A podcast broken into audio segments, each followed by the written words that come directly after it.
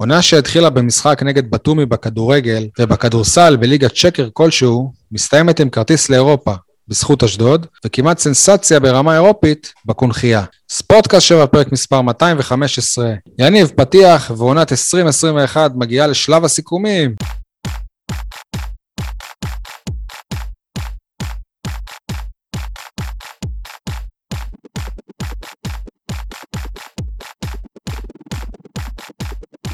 מה שלומך, יניב סול? איך אתה לקראת הפרק האחרון שלנו לעונה הזאת? וואלה, יותר טוב מלא הייתה. אולי הסמל האחרון של אה, האליפויות נמצא עם רגל וחצי, או אפילו יותר מזה, מחוץ למועדון. ככה זה נראה. אייל חטב, מה שלומך אתה? בתחילת הפגרה? כן, קודם כל היינו שמחים תפתח את המיקרופון, ואחרי זה גם תענה. תודה, אייל, אתה איש יקר. שלום לכל הבאר שבעים ואנשי הנגב, שלום גם לכם, חברי הפוד. לקח זמן, שמונה ימים כמדומני, אבל בסוף מצאנו זמן לסכם את העונה הזו. כל הכבוד. כן, אה, הנה, יניב כבר נכנס עמוק לעונ- לעונת המלפפונים. עדי גולד, מה, מה שלומך? עדיין מתאושש, עדיין מתאושש. מאירועי הדרבי התל אביבי? אה, זהו, מלראות שלא. את דן ביטון ואת אה, אופיר דוד זאדה שמחים וחוגגים עם מכבי. אמנם התרגלנו לראות ועוד עם חולצה שרשום עליה מכביזם. זה הכי... לא קל, לא קל. כן. טוב, יאללה, נתחיל, חברים, מה בוער בכם? יניב, אתה, אתה רוצה להתחיל לבעור? יאללה, למרות שאתה תסתור אותי אחרי זה, אבל uh, אני בוער בי שלא לומדים מטעויות. כאילו, כשמסתכלים על החזון של הפועל באר שבע לעונות הקרובות, כאילו רואים את אריאל הרוש, גורדנה, כאילו לא היינו שם כבר, שזאת בדיוק הייתה תחילת הנפילה של הפועל באר שבע. אלה השמות שירימו את באר שבע לאיפה שאלונה אומרת שהיא צריכה להיות. אז בדיוק זה, אנשים כמוך, זה מה שבוער בי, שעל כל ידיעת עונת אה, מלפפונים, אוהדים כבר קובעים, הנה, זאת ההוכחה שאלונה לא משנה כלום, הנה, שוב הולכים על אה, כישלון. די, יניב וחבריך. תנו לסגל של הקבוצה להיב- להיבנות, תנו לקבוצה להתחיל את העונה, חכו למוצר הסופי, ורק אחר כך אני מרשה לכם לשפוט, עוד נעשה את זה כולנו. אבל איך זה קשור למה שאמרתי? יכול להיות בדיוק שבסוף- מה שאמרת. יכול להיות שאמרתי שיקחו בסוף, יכול להיות שיקחו בסוף אליפות, אבל לא אריאל הרוש ולא גורדנה הוכיחו שהם אלה שהביאו אותה לשם. אבל קודם כל, הם עדיין לא פה. ב', גם אם הם פה, חכה, תן צ'אנס. אתה יודע, כאילו, שחקנים, אה, אני לא זוכר כרגע בהיסטוריה של הפועל באר שבע, אבל יש שחקנים ש, שחזרו לקבוצות ונראו אח, אחרת לגמרי. אגב, גורדנה לא היה כזה רע פה. גם ארוש מבחינה מקצועית לא היה כזה רע, רע פה, ארוש הבעיות שלו היו אחרות. שי, או שאתה מתבגר או שיש לך זיכרון קצר לגבי הארוש ולגבי ארוש היה. גרוע, מה? הבעיה האחרונה של ארוש זה היכולת המקצועית. נכון, זה, זה מה שאומר, הוא לא היה גרוע. אבל אם אהבת את ז'וסווה, אז גם לארוש אין מקום. ואגב, אם כבר לא לומדים מטעויות, איפה ההודעה על ז'וסווה? כי עוד לא ידוע מה קורה איתו. טוב, בואו נעבור לשני האחרים שיבעירו בנו. אייל, אחרי כל מה שאמרתי במהלך השנה על ברק בכר, בוער בי להגיד לו מזל טוב, כל הכבוד, על האליפות המרגשת. אמנם את המחצית השנייה לא ראיתי, אבל, אני אמרתי לו. אבל אחרי המשחק, אני אשמח לשמוע מה הוא ענה לך, אבל אחרי המשחק עברתי לתמונות מסמי עופר, באמת באמת אה, היו, היו לי התרגשויות ברמה שלא חשבתי שיהיו לי, ועד היום אני פוגש אוהדי מכבי חיפה מעת לעת, ואני מזכיר להם שהאליפות הזו היא בזכותנו. אפילו, אפילו שמעתי מישהו שאומר שמבחינה חוזית הוא עדיין שייך להפועל באר שבע, ככה שאם אחר... ככה אמרו, אני לא אמרתי אם צודקים או לא, אבל שמעתי עיתונאי, אם אני לא טועה זה היה פרימו, לא זוכר מי, אחד הפרשנים. ואמרתי, וואלה, ואתם זוכרים שאין לבכר חוזה במכבי חיפה עדיין? אתה אומר שהוא ו- מאמן הפועל באר שבע יחד עם ורוני לוי ככה, הוא לא קונצנזוס בקהל, אז אולי אלונה יכולה לעשות איזה מוב. אל תבנה על זה כרגע. בכל מקרה, אני חייב לציין שהייתי שם בסמי עופר, וברק היה כל הזמן מוקף, כל העיניים היו עליו, ואיכשהו יצא ש... שבערך איזה חצי שעה, שעה אחרי המשחק, עלינו במעלית רק אני, הוא ודודו בזק, הדובר של מכבי חיפה, וכמובן שאיחלתי לו מזל טוב וזה, לא, זה לא היה מכל הלב, מה שנקרא, כאילו, כי... אבל אז מה. הוא שאל אותך אם אתה אוהד? אבל אה, אני שאלתי אותו, אתה יודע, ברק, שלזכות באליפות בהפועל באר שבע זה הרבה יותר גדול, אז הוא אמר לי, זה משהו כמו אה, 40 שנה בלי אליפות בבאר שבע, זה כמו 10 שנים בלי אליפות בחיפה. ו- ובאותו ערב, באותה שנה אמרתי לעצמי, מה זה המשפט הדבילי הזה? נכון, ברור כי ש- שב- ש-40 שנה זה, זה הרבה יותר מ-10. אבל מצד שני, כאילו, כשאתה יודע מה זה אליפות, אני הרי, אני לא ידעתי מה זה אליפ- אליפות, אני לא יודע, אולי אה, אה, אייל ועדי הם אה, ידעו מה זה. אבל מי שלא יודע, יפה, את, את, אתם לא ידעתם, אז מי שלא יודע מה זה אליפות, הוא לא מרגיש שזה כאילו חסר לו, אתה יודע, כאילו, כמו בן, בן אדם שהיה רגיל לזכות באליפויות ופתאום עשר שנים הוא לא זוכה, זה כנראה הרבה יותר חסר לו. אז אולי לזה הוא אה, התכוון, יכול להיות. לא, אה, אתה- אתה גם עכשיו נראה לי לא הבנת למה הוא התכוון. אוקיי, אוקיי, אז... כמו בערך כמו ששלום אביטן אמר כשהוא בדיוק. להפועל תל אביב, שקורה או משקוף אחד בהפועל תל אביב זה כמו עשרה גולים בבאר שבע, משהו כזה. אבל אני לא חושב... ההד הציבורי. אייל, האליפות של אה, מכבי חיפה. אחרי עשר שנים, היא עושה אה, ריגוש והד אייל, איזה סיפור 40 שנה עיתונאי. אייל, איזה סיפור עיתונאי הוא גדול יותר? אל- אליפות של מכבי חיפה או אליפות של הפועל באר שבע? איזה סיפור מרגש הרבה יותר לא. את, המד... את הצופה. הניטרלי, אוקיי? אבל, זה, אבל הוא לא דיבר על הצופה הניטרלי, הוא דיבר על אה, הצופה אוהד מכבי חיפה, או מישהו שנמצא במועדון הזה, ובמועדון הזה עשר שנים לא לקחת אליפות, זה כמו 40 שנה במקום אחר שלא בוא. נגיד שאני נגיד- חושב שכמאמן לזכות באליפות עם הפועל באר שבע זה הרבה יותר קשה מאשר לזכות באליפות עם מכבי חיפה. אבל שאלת סיפור עיתונאי, לא כמאמן. גם, לא, אני אומר בכלל, כאילו... לדעתי האליפות עם, אה, עם הפועל באר שבע זה הרבה יותר וואו מהאליפות עם מכבי חיפה. אם אתה עורך עיתון. ובאותו יום הפועל באר שבע זוכה באליפות, ומכבי חיפה זוכה באליפות, אתה שם בשער את מכבי? חיפה. לא נכון. לא יכול לא יכול לקרות, נכון, תיאור- בטח שכן. אייל, אני אני רוצה להגיד... אתה שם זה לא בשער נכון. את מכבי חיפה למעלה, ולמטה ככה אייל, ב-20, וגם הפועל באר שבע זכתה באליפות. הפועל- באר שבע זוכה באליפות, זה היה זה היה כמעט שער של- של עיתון, לא ספורט. אוקיי? וזה פתח מהדורות.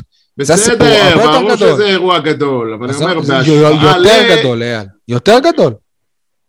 אני, אני לא מסכים איתך, גם אני אומר לך, זה משהו שאנחנו לא נעשה את זה, כי אנחנו לא כאלה משועממים, אבל אפשר למדוד את זה. אם אתה, אם אתה תראה איך נראה מדור הספורט, או אה, בכלל עיתון, יום אחרי האליפות הר- הראשונה של אה, באר שבע, היקף הסיקור הוא הרבה יותר גדול מאשר שמכבי חיפה היקף עכשיו... הסיקור אה, זה גם פונקציה. של אה, אירועים אחרים שיש בחדשות באותו יום, אז אה, זה לא נחשב.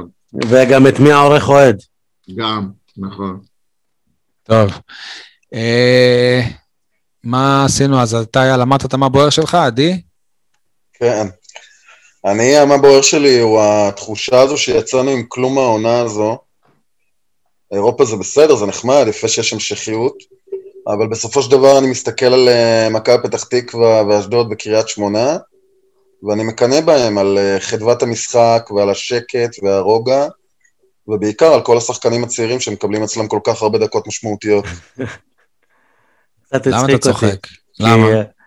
הבחור הצעיר הזה מקריית שמונה שהבקיע את השער, את שער השוויון מול אה, מכבי חיפה, נו. כבר במחזור אחרי זה שרצקי אמר, אה, הוא לא ברמה, הוא לא יהיה פה בשנה הבאה. בסדר, נו, אתה.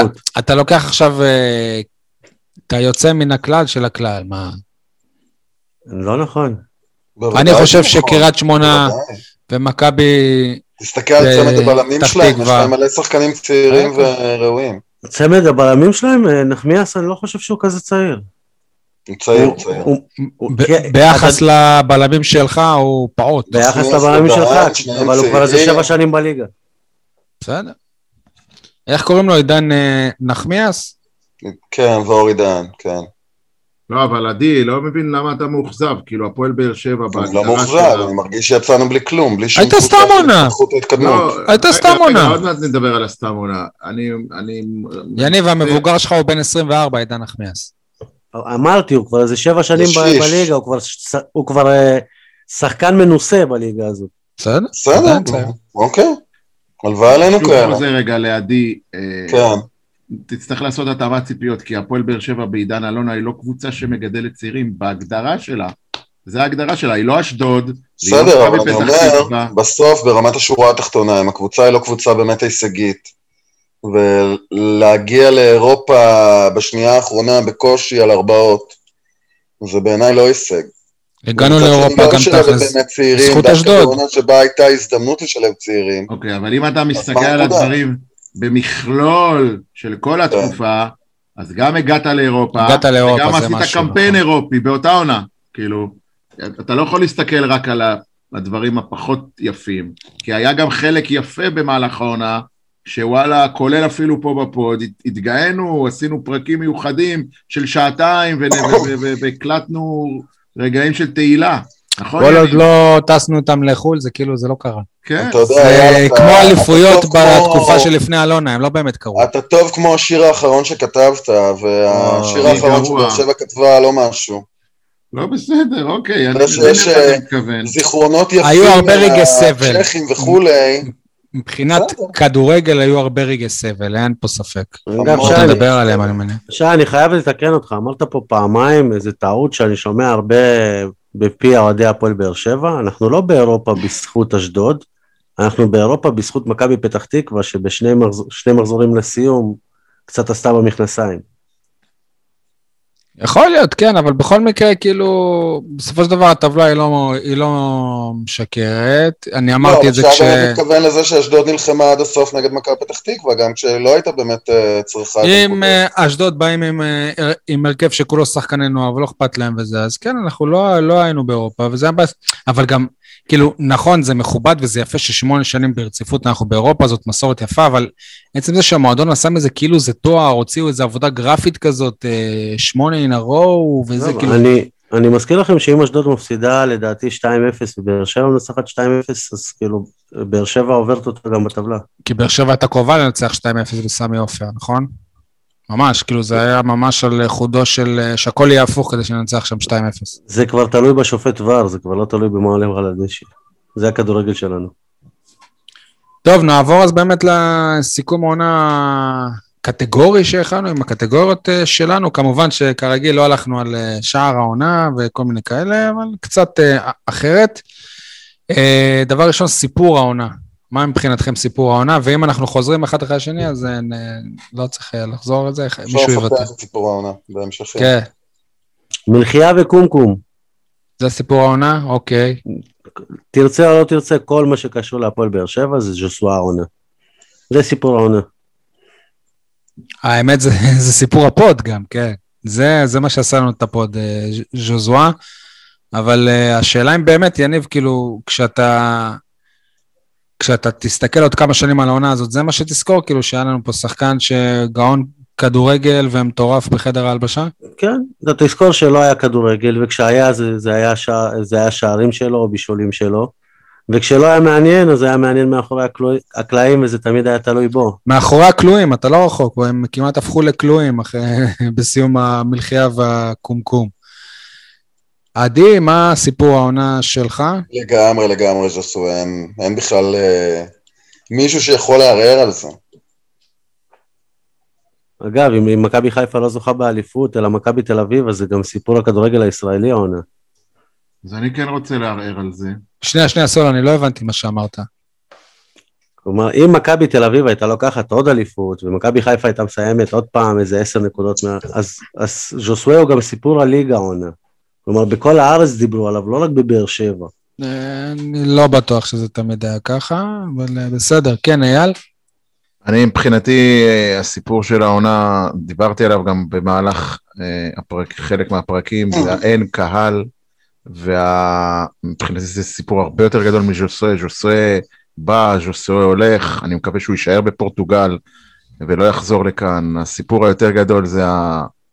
נקרא לזה הקרע בין כלל אוהדי הכדורגל בארץ אולי, ואני אישית מרגיש את זה בקשר להפועל באר שבע, אה, בתקופת הקורונה, והיחס שאוהדי הכדורגל קיבלו מצד כל מי שתרצו, והחוסר אה, מחויבות להגיע גם אחרי שכבר הוסרו ההגבלות, עדיין טרנר לא היה מלא יותר אלפים, ארבעת אלפים. יאללה, אני חושב שגם אתה צריך להוסיף את הסיפור הזה, הסיפור הספציפי של הפועל באר שבע, שגם בלי קהל, ובאותה עונה גם נאלצה לנדוד מחוץ כן, לבית כן, זה שלה, זה נדבר, הכל זה ביחד. נדבר ב- ב- בפינה אחרת או בקטגוריה אוקיי. אחרת, אבל uh, מבחינתי, אני מגדיר את עצמי כאוהד מושבע, בעל מנוי, ולא רציתי לבוא לטרנר, אני גם לא יודע אם אני ארצה לבוא לטרנר בעונה הבאה, פשוט יש לי איכסה אחד גדול, אני רואה את הפרומואים בערוץ הספורט, של הקהל חוזר והקהל לפה, ושוב, מנגנים לנו על הרגש ומשחקים בנו, כאילו אנחנו, לא יודע, אין לי כוח אפילו להסביר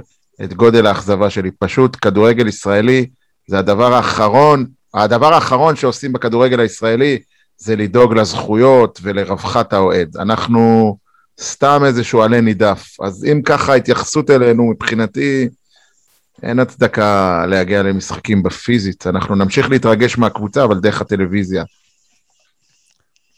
אני מבחינתי, סיפור העונה זה אבוקסיס הוא uh, מתפטר ואלונה ברקת uh, חוזרת. זה, זה, זה, זה לדעתי הסיפור הכי גדול שהיה העונה הזאת, עם כל הכבוד לז'וזואה. Uh, אני, אני, אני חושב שכשעשינו פוד שנה שעברה בדיוק אחרי שהיא עזבה, אמרנו, לא, לא בטוח, אולי פה, אולי שם, אולי זה, אולי זה. ככל שהזמן עבר, באמת היה נראה שכאילו, שאלונה היא, אה, היא לא שם, אה, אבל א', כל זה כבר כמה שנים לא היה שמאמן, הוא מתפטר מהפועל באר שבע, וזה הסיפור האמיתי, שהוא באמת התפטר ולא התפוטר, או שהכריחו אותו להגיד שהוא התפטר. ועצם זה שפתאום ביום אחד אלונה בא ואומר, טוב, אני חוזרת, זה גם, זה, זה משנה את המדע... היינו מדברים, כל הקיץ הזה היה נראה אחרת אם אלונה שוב הייתה בחוץ, ושוב ניהול אה, רק לפי כספים שיש, וזה. זה לדעתי המהלך ה... הכי משמעותי בעונה הזאת, ויכול להיות ש... לא יודע, אם אבוקסיס לא היה עוזב, אולי זה לא היה קורה, אני לא בטוח, אבל זה, זה היה איזשהו, איזושהי נקודת מפנה בעונה הזאת. אגב, מבחינת כדורגל, כנראה שנקודת מפנה זה רק דרדרה את הקבוצה, למרות שלא, בתקופה שלפני זה גם היא לא נראתה טוב, אבל משם מבחינת כדורגל הייתה הידרדרות גדולה. אמרנו פה, תמיד שאלונה לא הייתה ניצחנו, ושאלונה חזרה, התחלנו לעשות תוצאות. היו הרבה שערוריות, אז מבחינתי השערורייה הכי גדולה בעונה הזאת זה הטיפול של המועדון בז'וזואה. כשחשבתי על זה השבוע, אז הסתכלתי על תגובה שהמועדון שלח לי, על כתבה שעשינו עליו בידיעות אחרונות בנובמבר. אחרי התקרית עם אלניב ברדה, שהוא כמעט הביא לו מכות, וזאת הפעם הראשונה לדעתי שהמועדון השעה אותו, ולפני עוד הבלגן שהיה לו עם עמית ביטון, ואחר כך היריקה, והשופט, וכל כך הרבה תקריות, אבל הם מתארים שם, בתגובה רשמית של המועדון, את הסיקור המגמתי והשלילי נגדו, ואני פותח ציטוט. יש לו מעלות חיוביות עליהן לא מרחיבים בתקשורת, על המקצועיות שלו, תרומתו הרבה למועדון ולאווירה בחדר ההלבשה. הסיקור התקשורתי סביבו אינו דומה לסיקור של אף זר שהגיע לאחרונה לכדורגל הישראלי. אתם, אתם מבינים את השערורייה? שבתחילת הדרך, כש, כש, כשהיו אנשים שכן זיהו את זה, זיהו שיש פה משהו הרבה מעבר לשחקן בעייתי רגיל, אז הבעיה הייתה הם. וקראתי השבוע את, ה... את הריאיון שהעניק אסר רחמים לכל העיתונאים בזום ביחד, והוא אמר ש... אחת הטעויות הייתה, או שזה היה בידיעות הנגב, אני לא זוכר, הטיפול שלהם בז'וזואה. ברגע שהתחילו הבעיות, אז הם טיפלו בו לא נכון. אז כנראה שבסוף, בסוף, בסוף, לא התקשורת הייתה אשמה. וזאת השערורייה, שהם, שהם האשימו אותנו במקום לטפל בשורש הבעיה. מה השערוריות שלכם, מה שאתם רוצים להגיב לזה? אני רוצה להגיב לזה, יש פה איזה פספוס לדעתי של אסי, אני לא... לא שמעתי אותו אומר את מה שאתה אומר, אבל אני מאמין לך שזה מה שהוא אמר. קראתי את זה בידיעות הנגב. לדעתי, הוא, הוא בטח גם לא שומע אותנו, אבל הוא לא מבדיל בין uh, סיבה לתוצאה, משהו כזה. הבעיה היא לא הטיפול הרך בז'וסואה, זאת לא, זו, זו אולי התוצאה, זה לא הבעיה. הבעיה היא הפחד מתגובת הקהל, הפחד מדעת הקהל. מה יקרה אם נשחרר את ז'וסואה בסוף העונה שעברה? זה הבעיה. וזה יכול לבוא לידי ביטוי לא רק עם ז'וסוי, גם עם עוד שחקנים אחרים. דעת הקהל רוצה שנחתים את אלטון, סוגריים, אני גם כן רציתי שנחתים את אלטון, אני חושב שהוא שחקן אדיר, אבל בלי קשר, הפועל באר שבע מתנהלת לפי תכתיבי הקהל, לוחסן תכתיבי הפייסבוק, האינסטגרם. אותו. קהל שלא לוחץ, פעם, פעם שנייה, קיץ שני ברציפות, ולמרות שבן בודה היה פה לא מזמן ואמר, עשינו דווקא ק- ק- ק- קמפיין שיחזירו את דן ביטון. הנה, עכשיו, איזה קמפיין יש? הוא על המדף. איזה קמפיין יש? זה אין. ובגלל זה הוא לא יהיה פה. מה השערורייה שלכם? קודם כל, אבל המנכ"ל החדש הוא מכביסט, אז כנראה שהוא יודע מה דן ביטון עשה במכבי, לא? יכול להיות שהוא ירצה להביא אותו. מה השערורייה שלך, סול? השערורייה, השערורייה הכי גדולה זה סליון טרנר, בלי ספק. איך בטעות גילו מה שיכול היה להתברר כאסון, האסון הכי גדול בתולדות אה, ישראל, או אפילו יותר ממה שקרה בל"ג בעומר. זה באמת הזוי שאיצטדיון חדש, חדש, וכבר סגרו אותו לעונה שלמה. זה, זאת באמת אה, שערורייה, ולא ברור באמת מה קורה עם תחילת העונה הבאה עדיין. נכון?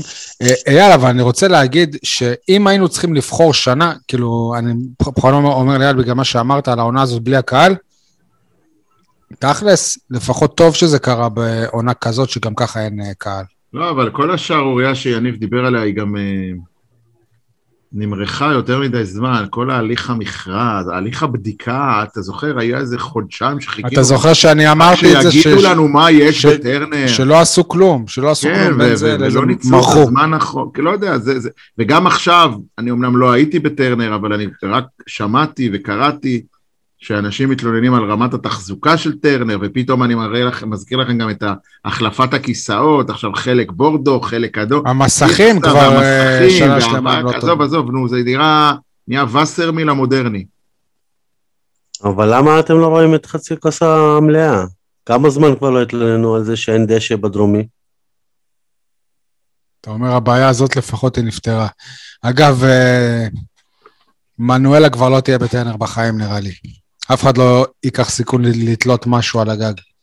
אה, אבל אלה כבר צרות של ה- השירים, המנואלה. קודם כל, כל שיהיה לנו טרנר אה, כשיר.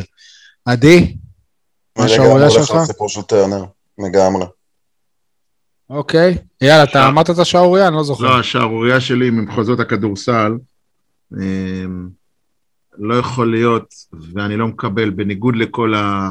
נקרא לזה יפי הנפש, כולל בקבוצה עצמה, שאומרים, אנחנו יכולים להבין את הזרים שעזבו. לא, אני לא יכול להבין את הזרים שעזבו אחרי שכבר הייתה הפסקת אש. את זה אני לא יכול להבין.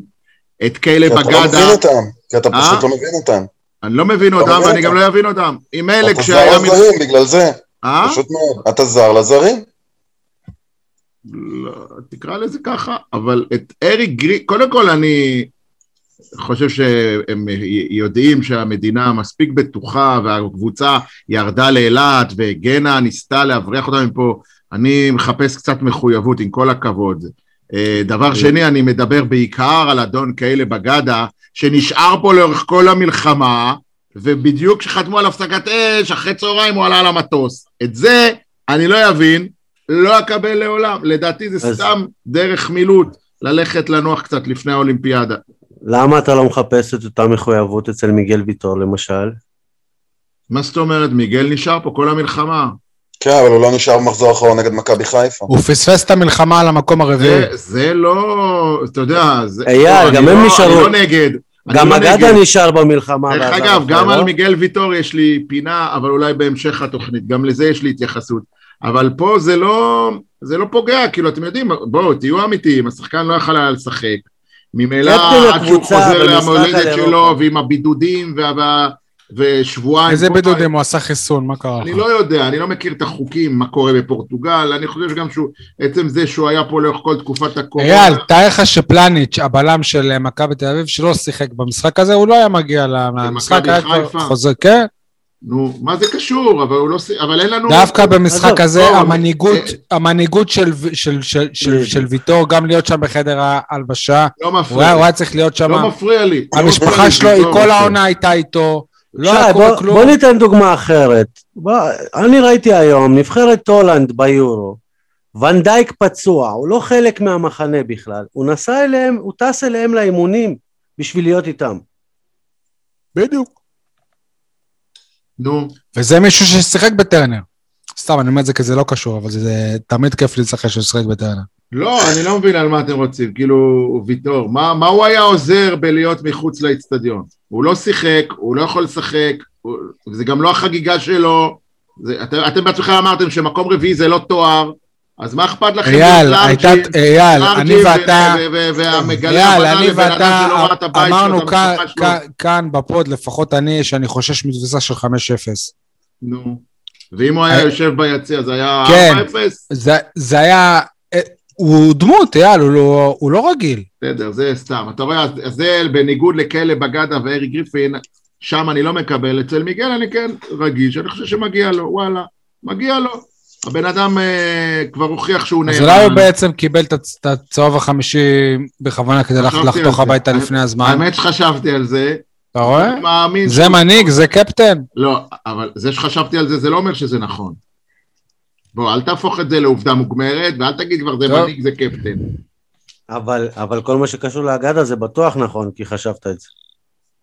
אני מדבר על עובדות, יניב סול, לא מדבר על הערכות. אני הייתי מעריך את... אה, את- בגדה עזב כשהיה הפסקת אש. אפשר אני- היה למנוע את העזיבה שלו, כי הייתה הפסקת אש.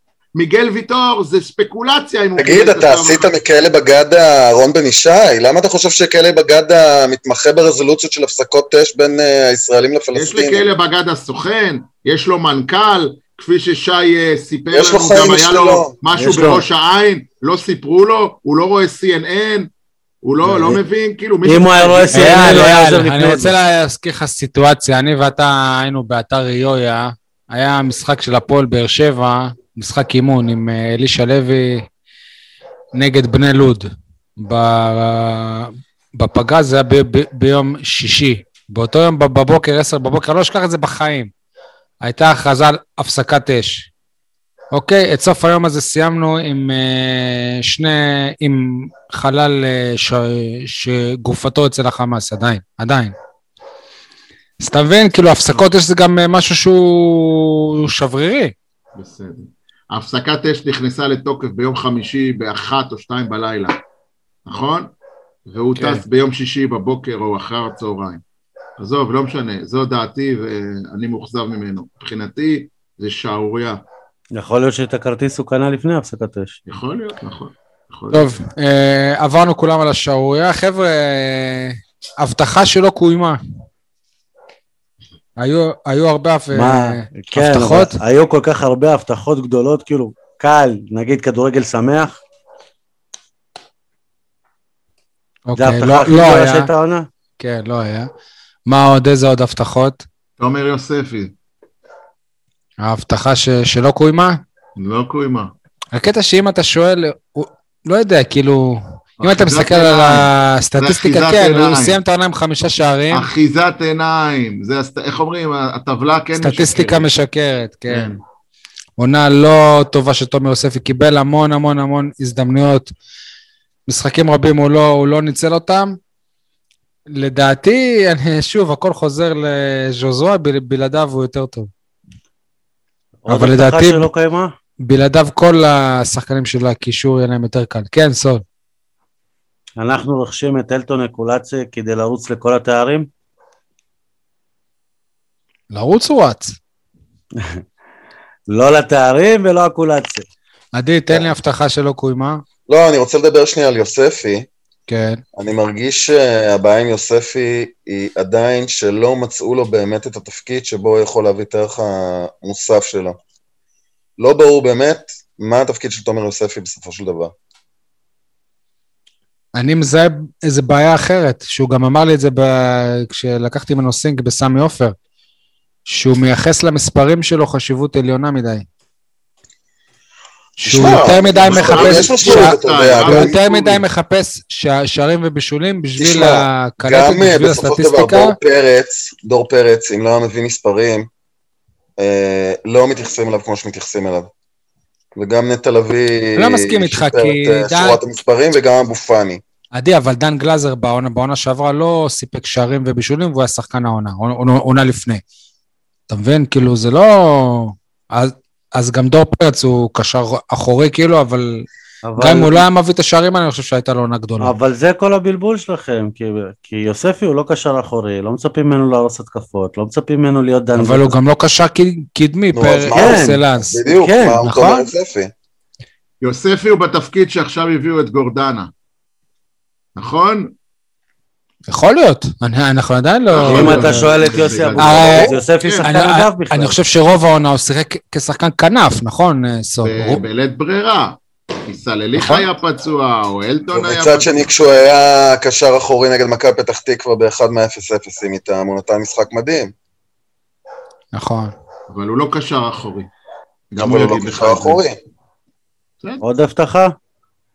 עוד הבטחה?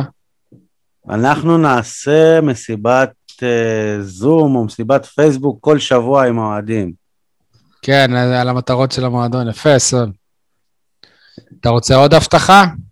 נו, הבטחה שלא קוימה? אלונה ברקת לא יהיה מעורבת בניהול המועדון. נכון. אה, מי- אייל- ומי סיפר לנו שהיא הייתה מעורבת? יוסי אבוקסיס. אה, אייל? אגב, אני לא- אני לא בטוח שמה אה, שאמרת יאללה, עכשיו זה- נכון. אמרת, ועדי גם אמרת, נכון? כן. אוקיי. מה הרגע המייאש או המדכא של העונה, מבחינתכם? מבחינתי זה ההתרסקות של אליניב ברדה. כמאמן. כמאמן? כמאמן. אני קודם כל לא רציתי שיגיע הרגע הזה שהוא יעמוד על הקווים, ושנית... גם הוא לא רצה. כן. מהרגע שזה הגיע היה לי קשה לראות אותו ככה נשאב, ולכאורה חושב שהוא עושה קסמים, או עושה שינויים טובים, כשבפועל כולנו מבחוץ ידענו שזה לא זה, הרגשנו, ראינו שזה לא זה, והיה לי חבל לראות את אלונה ככה מורחת עוד שבוע ועוד שבוע, ומחפשת, ומוצאת, ורוני לוי, ומרקו בלבול, ולא יודע כבר מי, ואפילו מי היה סלובודן, ובר- ורפיץ' וברדה, מי היו המועמדים? שרון מימר גם היה. שרון מימר, וכן, כל מיני פרחאל. כאלה. ואליניב, ואליניב שלנו, כאילו פתאום נסדק משהו בעיניי. מבחינתי זה היה באמת רגע, רגעים של אה, אכזבה. א' כל אני אמרתי מראש שזה זה לא פייר לתת לו את הקבוצה, אבל אתה אמרת אייל שכאילו שראינו אותו נשאב לזה, או אני לא זוכר בדיוק איזה מילה אמרת, אבל אני בדיוק, אני חושב ההפך, שהוא לא היה 100% שם. שאם הוא היה 100%, 100% שם זה היה אחרת. בגלל שהוא כל פעם היה הרגשה של טוב, אני זמני פה, אני, אני לא רוצה, אני רק, אני, אני פלסטר, אני זה, ככה זה גם היה נראה. אם, אה, בוא הוא בן אדם שיודע להילחם. אם הוא היה נלחם על הקריירה שלו, לא, לא, אם, אם הוא היה נכניח, כמו שאתה אומר, לא רוצה, לא רוצה, לא רוצה, ובכל זאת מנצח, או הם מדברים על זה שאם הוא היה מנצח את. הפועל חיפה, הוא היה נשאר עד סוף העונה. אם היה מנצח את הפועל חיפה אחרי שהוביל אז- 2-0. אז הוא כן נשאב, פשוט התוצאות לא עמדו לזכותו. לא, אני לא חושב שהוא היה 100% שם באמת. ככה אני מרגיש, לפחות. אה, עוד רגע מייאש של העונה? עדי, אתה רוצה אתה עכשיו? אני ההפסד בגביע למכבי תל אביב. לא, אז אצלי זה בדיוק אותו דבר, רק שהרגע המייאש זה הגרלת גביע המדינה. כי באותו רגע נגמרה לך העונה. איך שקיבלת את מכבי תל אביב. לא הבנתי, מה, הפכתם את הפועל באר שבע לקבוצת גביע טיפוסית? לא, אבל איבדת לא את הייתה התואר לך. שלך. איבדת את התואר. קיבלת את מכבי אם תל אתה אביב בסיבוב הראשון. אם אתה שואל אותי, הפסד למכבי תל אביב בגביע, עזוב את, אה, לדעתי תקרית אבי ריקן הייתה במשחק הזה, אם אני לא... בליגה, לא, הוא הורחק אבל- כדי לא לא לא להיות משנה, בגביע. העובדה שנפטרנו מעול הגביע, בעיניי זה היה עול כבד, כי הרי ברור שלא ניקח... סבלת, אייל, סבלת? לא, רגע. כן, מה, לא, אתה לא מבין, כאילו, היה ברור... אני לא מבין, אנחנו לא נכון. ניקח גביע עונה שנייה, אנחנו לא נעשה אה, ד, אה, או שנה אחרי שנה גביע, אוקיי? אנחנו לא קבוצת גביע. הבלחנו גביע אחרי עשרים ומשהו שנה. אז מבחינתי, לעוף בסיבוב ראשון, יאללה, תשחררו אותנו מהעונש, כי, כי, כי ככה אנחנו רק נגיד, אוקיי, מתי נודח, מתי נודח, ככה התפנינו לליגה. עדי, אתה זה מבין? מזכיר לי, זה מזכיר למה לי... את ה- בכלל לרשום, למה שהקבוצה תירשם בכלל? לא אה, חרב? כן, אם אתה יכול להיות, אה, לא, למה שהקבוצה, בעונה הבאה העסק נפתח מחדש. שנה אחרי שנה, אני לא רואה אותנו לוקחים גביע שנתיים ברציפות, אבל זה מזכיר לי אחרי שניצחנו את עפולה, שי, זה היה עפולה, 6-0, שבע. אז שבע, שבע אחד. שבע אפס. אפס, שבע זה. הניצחון הכי גדול. פגיעה. בחצי היו. מי שהיו ברכב בדרך חזרה לבאר שבע, שאמרו, נכון שי, צטט אותי, ת- ת- תאשר אם אני, אם, אני, אם אני לא דובר. היו מי שאמרו, חבל על הניצחון הזה, כי אנחנו הולכים לקבל בראש במכבי תל אביב, אז בואו נעוף כבר בחצי. זה בדיוק העוגמת נפש שנחסכה לנו מה- מהשש-שתיים. אז אתה אומר הפועל תל אביב עשו בשכל שלא נרשמו לאירופה. אתה, אתה מבין, לשיטתו של אייל, בואו נרד ליגה, נחסוך את- עוגמת הנפש לא, שניקח בוא נ- אליפות, בוא- בוא כאילו. נפרק את מההתחלה, הקבוצה אנחנו בכלל, לא נרוץ תחשוב. לאליפות הרי. תחשוב כדורגל, תשמע, צחוק צחוק עכשיו מה שזה, כש... כשהבן שלי לא כזה מתלהב מכדורגל, אני אומר לו, וואלה, זה, זה יחסוך לו הרבה בעיות בעתיד, אבל בסדר, זה כבר משהו אחר. אה, יניב, אתה רגע מייאש? בדיוק בשנה שאתלטיקו מדריד עושה זאת שוב ולוקחת אליפות, הפועל באר שבע נפרדת מאתלטיקו מדריד והופכת את דימונה לקבוצת הבת שלה. כן, ער- ער- ערבבת פה שני חרטות, אבל כן, נכון. כן, אבל תחשוב, ההפס- מאתלטיקו, מי להסתכל הפועל על באר אתלטיקו שבע מדריד? שילמה, שילמה כדי להפסיק את הפרויקט עם אתלטיקו. א- א- א- אתם מבינים את האבסורד? כאילו, באות- באותו סכום יכולנו להמשיך את הפרויקט עם אתלטיקו, אז למה לשלם על, זה, כאילו? ממש, זו אכזבה גדולה. הרגע המייאש מבחינתי, שאלונה חזרה לניהול המועדון. אני ממש אהבתי את זה שהמועדון התנהל בשפיות כספית, עם אחריות ובלי קפריזות של להביא את זה ובוא נביא את זה ובוא נעיף את ההוא ובוא נבנה שוב קבוצה ובוא זה פה שם זה. אהבתי את זה שלמועדון, יש סכום של כסף בתחילת העונה, שיש בעלים ש, ש, ש, שמזרים איקס כסף, יש הכנסות, יש הוצאות ומתנהלים על פי זה. זה נקרא ניהול כלכלי בריא. אני אהבתי את זה אני משוכנע בהפועל שהיא באר תגיד שבע. לך שהיא מנהלת את הקבוצה באופן כלכלי בריא. לא, מה, כן. בתכלס, יש ניהול כלכלי בריא. זה הרגע המייאש שלי, גם עוד אחד. תחשבו על זה שאלונה אמרה לכל האוהדים שהפסידו איזה 500 שקל בעונה שעברה ש- בגלל הקורונה, עכשיו אם אתם לא מוותרים על ה-500 שקל האלה ואתם רוצים לראות משחקים, תשלמו עוד 500 שקל. כתוספת, כאילו. זה ניהול כלכלי נכון, היא לא מפסידה את ה-500 שקל האלה בכל מקרה. יש לי עוד איזה רגע מייאש, שני שערים אה, חשובים בתוספת הזמן ש, ש, ש, שנפסלו. בעידן עבר, עבר בעצם זה שפסל אותם, עדיין לא ברור למה. שבירו, שער ניצחון בתוספת הזמן נגד חדרה, וחאתם אל חמיד, שער שוויון בתוספת הזמן נגד הפועל תל אביב, שני שערים שנפסלו סתם. יכול להיות שהיה חוסך לנו הרבה בלאגן, הארבע נקודות האלה. אה, יש לכם עוד איזה משהו מייאש? האדום של ז'וסואל, זה שהרחיק כדור. בשבילי, אחרי כל המלחמות עליו והכל, שם כבר אה, לא היה לי יותר מדי מה לעשות. וואלה, דווקא בפוד עדיין לא הרגשנו את זה סוד. בסדר? המ- המשחק שתספרו עליו לנכדים, מכבי פתח תקווה מ"ס אשדוד. המשחק שהביא אותך לאירופה, כן. וברצינות, לברקוזן. ולא פחות המשחק, אלא השער הענק שהקולציה הבקיע שם. לראות צמד. בזק, כן. אגב, איך הוא לא מתחרה לאחד משערי אירופה? לא ראיתי את זה. אולי כן, לא יודע. אייל, עדי? 43 נקודות של כלא בגדה בניצחון ההיסטורי על מכבי תל אביב בקונכייה. מבחינתי גם, כאילו, כשחשבתי בראש אמרתי לברקוזן, אבל אין ספק שהרגע...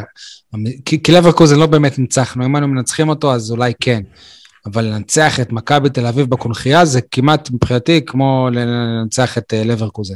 תגידו, ל... את לא, לברקוזן. גם של- עם הופעת יחיד של... אה, זה לא, לא היה אכפת לי, וואלה, גם אם זה היה מתחלק בין שחקנים אחרים, זה פחות, לנצח את מכבי תל אביב בקונכייה, זה וואו. שנעבור לפרק של הכדורסל, אני יכול לזרוק דברים של כדורגל? כן. בטח, למה אוקיי. לא? אנחנו מסכמים פה את העונה. אה, עדי? אני חושב שאחרי הכל, באמת הניצחון על מכבי תל אביב בכדורסל, ברמה האישית גם הרגיש לי כזה סגירת מעגל. הייתי ילד בבית הספר לכדורסל של הפועל באר שבע, כשמכבי תל אביב. התארחה לראשונה בבאר שבע במקיף? ד' נגד הפועל באר שבע? מהליגה השנייה, כן, כן. ומכבי תל אביב הגיעו כאלופי אירופה, וואלה, פעם ראשונה אני כזה רואה- פחד פוגש מישהו גדול שהיה במשחק ההוא. שהולך להיות תבוסה. זה, וזה נגמר דווקא בתצוגה מאוד מכובדת של באר שבע, הפסד אה, דו-ספרתי נמוך. דרך ו- אגב, זה היה באולם דניס הישרדות, אם אתה... זה היה באולם עקיף ד', הוא כן, אמר, אולם הישן. כן. לגמרי.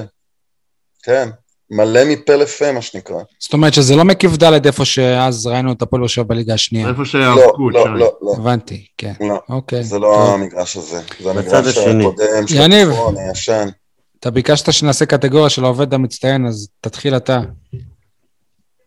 בתור איש אה, שבחל"ת כל כך הרבה זמן. זהו, אם כבר מדברים על חל"ת, אז אה, יונגר, האיש המצטיין, הוא בעל תקן, אה, איך אמרתם התפקיד שלו? נאמן. אה, נאמן, נאמן. נאמן. כולם קראו לו המפרק, פירק את הפועל באר שבע, פירק את השחקנים, פירק את הסמלים, פירק הכל, ובסוף עזב, אף אחד לא זוכר שהוא היה פה, אבל באר שבע באמת התפרקה. דווקא תחתיו הקבוצה עשתה את ההישגים אה, הכי יפים של העונה. יש לי דמות יותר תמוהה לעובד מצטיין, זה איתי בן זאב. בדיוק, ש- כן. זאב, זאב. לכאן- בא לכאן כרוח סערה והלך מכאן כמו... אה, עלה נידף ברוח. עלה נידף ברוח, עם כל מיני ציטוטים. כמו שאיפות הגביע של הפועל תל אביב, קבוצת הא- האהודה. כמו שהוא חותם הודעות מועדון ביאללה הפועל. אה, מעניין אם מחזיקת ביטון- הגביע, דן ביטון אה, לא מועמד, כאילו, לא מה הוא אמר? לא שמענו עליו? לא, כן, לא, מה, מו? הוא לא בתוכניות, משהו מה עם מחזיקת הגביע הקט- הקטרי, ענתה לו למייל? לא מה עם אה, של... ילדיו אה, שהגיעו כן. לטרנר כשהאוהדים לא יכלו להיכנס? בניגוד כן. לאתי לוצטו, זה כן... זה ספין, אייל, זה ספין, אנחנו עשינו עליו ספין. בקיצור, אה, המצטיין שלי. עדי, יש לך עובד מצטיין? לא, לא מישהו נוסף. נהג הקבוצה, שלמה זגורי, הוא העובד... אה, עדיין שלמה המצטיין שלי. זגורי? כן, העונה הוא היה צריך כמעט כל משחק לעשות נסיעות אר- ארוכות מחוץ לעיר, אז אה, הייתה לו הרבה עבודה. יש לי עוד עובד מצטיין. אוקיי, חברת שפע הפקות, שעד היום אין טלפון אחד שניתן להשיג אותם, אבל עדיין אתה קונה מהם כרטיסים, אתה אמור לברר על מנויים, אבל שפע הפקות, תמיד, כל מה שקשור בכרטיסים, באר שבע יוצאת עם איזושהי שערורייה. אגב, זה אסי רחמים. סיפר שזה, שזה היה המחדל הכי גדול בתקופה שלו. זאת לא הייתה שפע הפקות אז ל... טוב. אה, התעלומה של העונה, עדי, תוביל אותנו לזה. אה, טוב, אני אבחר את הקולאצה, כי אני יודע על מה אתה הולך. שהוא... מי אתה אלטון הקולאצה? מישהו יכול לתת לי תשובה? כן? אני, אצן, אצן? כן? אצן בכיר? מתאמן לי- לאולימפיאדה. מה- לי- מה- מה- יש מה תשובה. העיסוק שלו? מה מקצועו? פוטנציאל מאוד מאוד מאוד לא ממומש. מה עושים כדי לממש את 17, היית הפוטנציאל הזה? בהנחה שהוא נשאר בקבוצה בשנה הבאה והוא יישאר בקבוצה, מה עושים כדי לממש את הפוטנציאל הזה? אני אומר לשים אותו מגן. אחלה כל מגן. אבל. הבעיה שזה על דדיה, זה קצת פחות טוב לי. לא יעשו את זה, לא. באמת יעשו את זה, וגם, אה, וגם מה שאומרים זה שרוני לוי בעצם הביא את אה, אבו עביד כדי להיות מגן ימני, בנוסף לדדיה. כן, זה מעניין.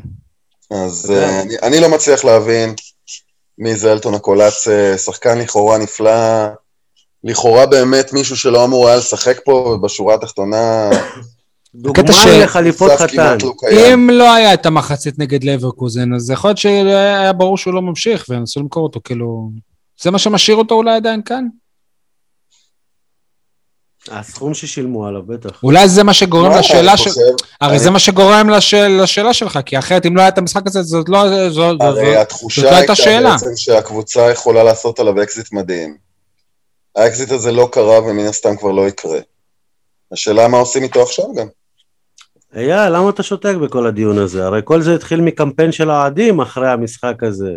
בואו לא, נחתים אותו, בואו נריץ. הקמפיין היה בעונה שעברה, יניב. הוא התחזק אחרי המשחק. לא היה צורך לעשות קמפיין, כי הוא כבר ח... ח... ח... חתם, כי רכשו אותו כבר. לפני המשחק רכשו אותו? ברור מה זה. לפני העונה הזאת. הוא שיחק בפגרה. במשחק הזה? מחצית. טוב, אה, התעלומה אחרי כמו שלנו... הקולציה צריכים מאמן ש... שיצעד איתם יד ביד לאורך כל הדרך, אה, ש... שיבנה את המשחק, יבנה תוכנית המשחק עלי... עליהם ויבודד אותם וייצר תרגילים, כמו שאתה קורא לזה, יניב, הפסיק לזלזל. אה, ו- ולא נמצא מאמן לא כזה נמצא, בקריירה לא, שלו. לא, אבוקסיס לא כזה, אבוקסיס לא, סליחה בקריירה, שאני לא אומר. למרות הישגיו המופלאים הוא מאמן שכונה, ורוני לוי, אתם עדים לכך, לא, חוץ מאולי עמידה הנכונה על המגרש, אתה לא רואה ממנו יותר מדי דברים, אה, בוא נגיד, מקוריים, יצירתיים בהתקפה. אני חושב שאלטון צריך מאמן, סליחה שאני מדבר על רמי אדר, אבל אה, מאמן שיודע אה, לייצר בדיוק, לנצל בדיוק יתרונות של שחקן מסוגו. המאמנים שהיו לנו בקבוצה לא עשו את זה, לצערי. רגע, הוא התחיל את הקריירה בהפועל באר שבע? לא, כי לא גם מאמנים רלוונטי. בבלגיה לא עשו את זה ובהולנד לא עשו את זה. לא רלוונטי, לא רלוונטי. הכי רלוונטי בעולם. אז יכול להיות ש- הוא כן, ילד סול. שהלך לאיבוד, בוא, אין ספק, אני עכשיו מדבר איתך, מה שעדי אמר, מה צריך מפה והלאה, מה עושים איתו. מה עושים איתו, זה ייבחן כשיהיה פה מאמן באמת, אה, לא. אם זה יקרה בתקופתו. לא יקרה, לא יקרה. אה? לא, לא יקרה, הוא אומר לא שלא יקרה. לצערי. השאלה איך לממש את דרך אגב, אותו הפוטנציאל דבר אתה שלו. יכול להגיד גם על יוספי. פשוט יוספי מדי פעם מפנק אותך באיזה גול, אבל גם יוספי זה שחקן שהולך לאיבוד. שחקן נכון. שפשוט... אה, אין לו, אין לו תועלת במשחק. פה גול, שם גול, נו, עוד איזה בעיטה, וואו. זה לא באמת אה, דור פרץ. נכון? אף אחד לא חשב שיוסף יהיה דור פרץ. טוב, חברים, אנחנו קצרים בזמן, בואו נמשיך. התעלומה שלי, מה יש לרוני לוי נגד אנטוני ורן, עוד מימי בית"ר, לדעתי יש שם משהו שלא קשור לכדורגל. אפילו כשהוא כבר כבש שער, נגיד מי זה היה נגד אה, קריית שמונה או אה, פתח תקווה, מי זה היה? הוא לא נתן לו לפתוח מול חיפה. וגם לא הכניס אותו כמ- כ- כמחליף ראשון נגד חיפה. משהו שם, אגב, יש משהו. מוכן לפתוח בהתערבות על סביח, ששנה הבאה לא משנה באיזה קבוצה הוא משחק, הוא מביא... כובש מולנו. בטח. דו-ספרתי וכובש מולנו, זה זה כן. ברור. מולנו זה כן. לא שאלה. כן. טוב, אה. אייל ועדי ויניב, לכם יש תעלומות? בטח. יאללה. אמ, בוא נגיד את זה ככה, אנחנו כל הזמן מחמיאים בעונת האליפויות, החמ- החמאנו לזרים של הפועל באר שבע, שפגענו בזרים מעל הליגה. מה קרה לבחירות האלה עכשיו? מה קרה עם מלי, עם בריירו, עם אה, רוסה? שאלות לסקאוט. כן, איפה עוד ז'וסווה, רק עם אה, שכל? לא רוצה עוד שזו, כן, זהו. אה, טוב, אייל, תעלומה? האלומה שלי, איך למרות הכל ואחרי ככלות הכל, אלונה עדיין ממשיכה להתעלם מדן ביטון, לדבר עם שחקנים מפה ועד אוסטרליה, כולל כאלה שהיו פה, כולל כאלה שהיו לא. פה, ופשוט על דן ביטון כאילו מדלגים, כאילו מישהו החליט, אנחנו לא נחזיר את דן ביטון ונעשה דווקא, הרי אנחנו כבר עדים, ראינו כבר דברים בעידן אלונה, כמו החזרת ברדה, הבאת מליקסון בחזרה מאירופה, כל מיני אירועים גדולים.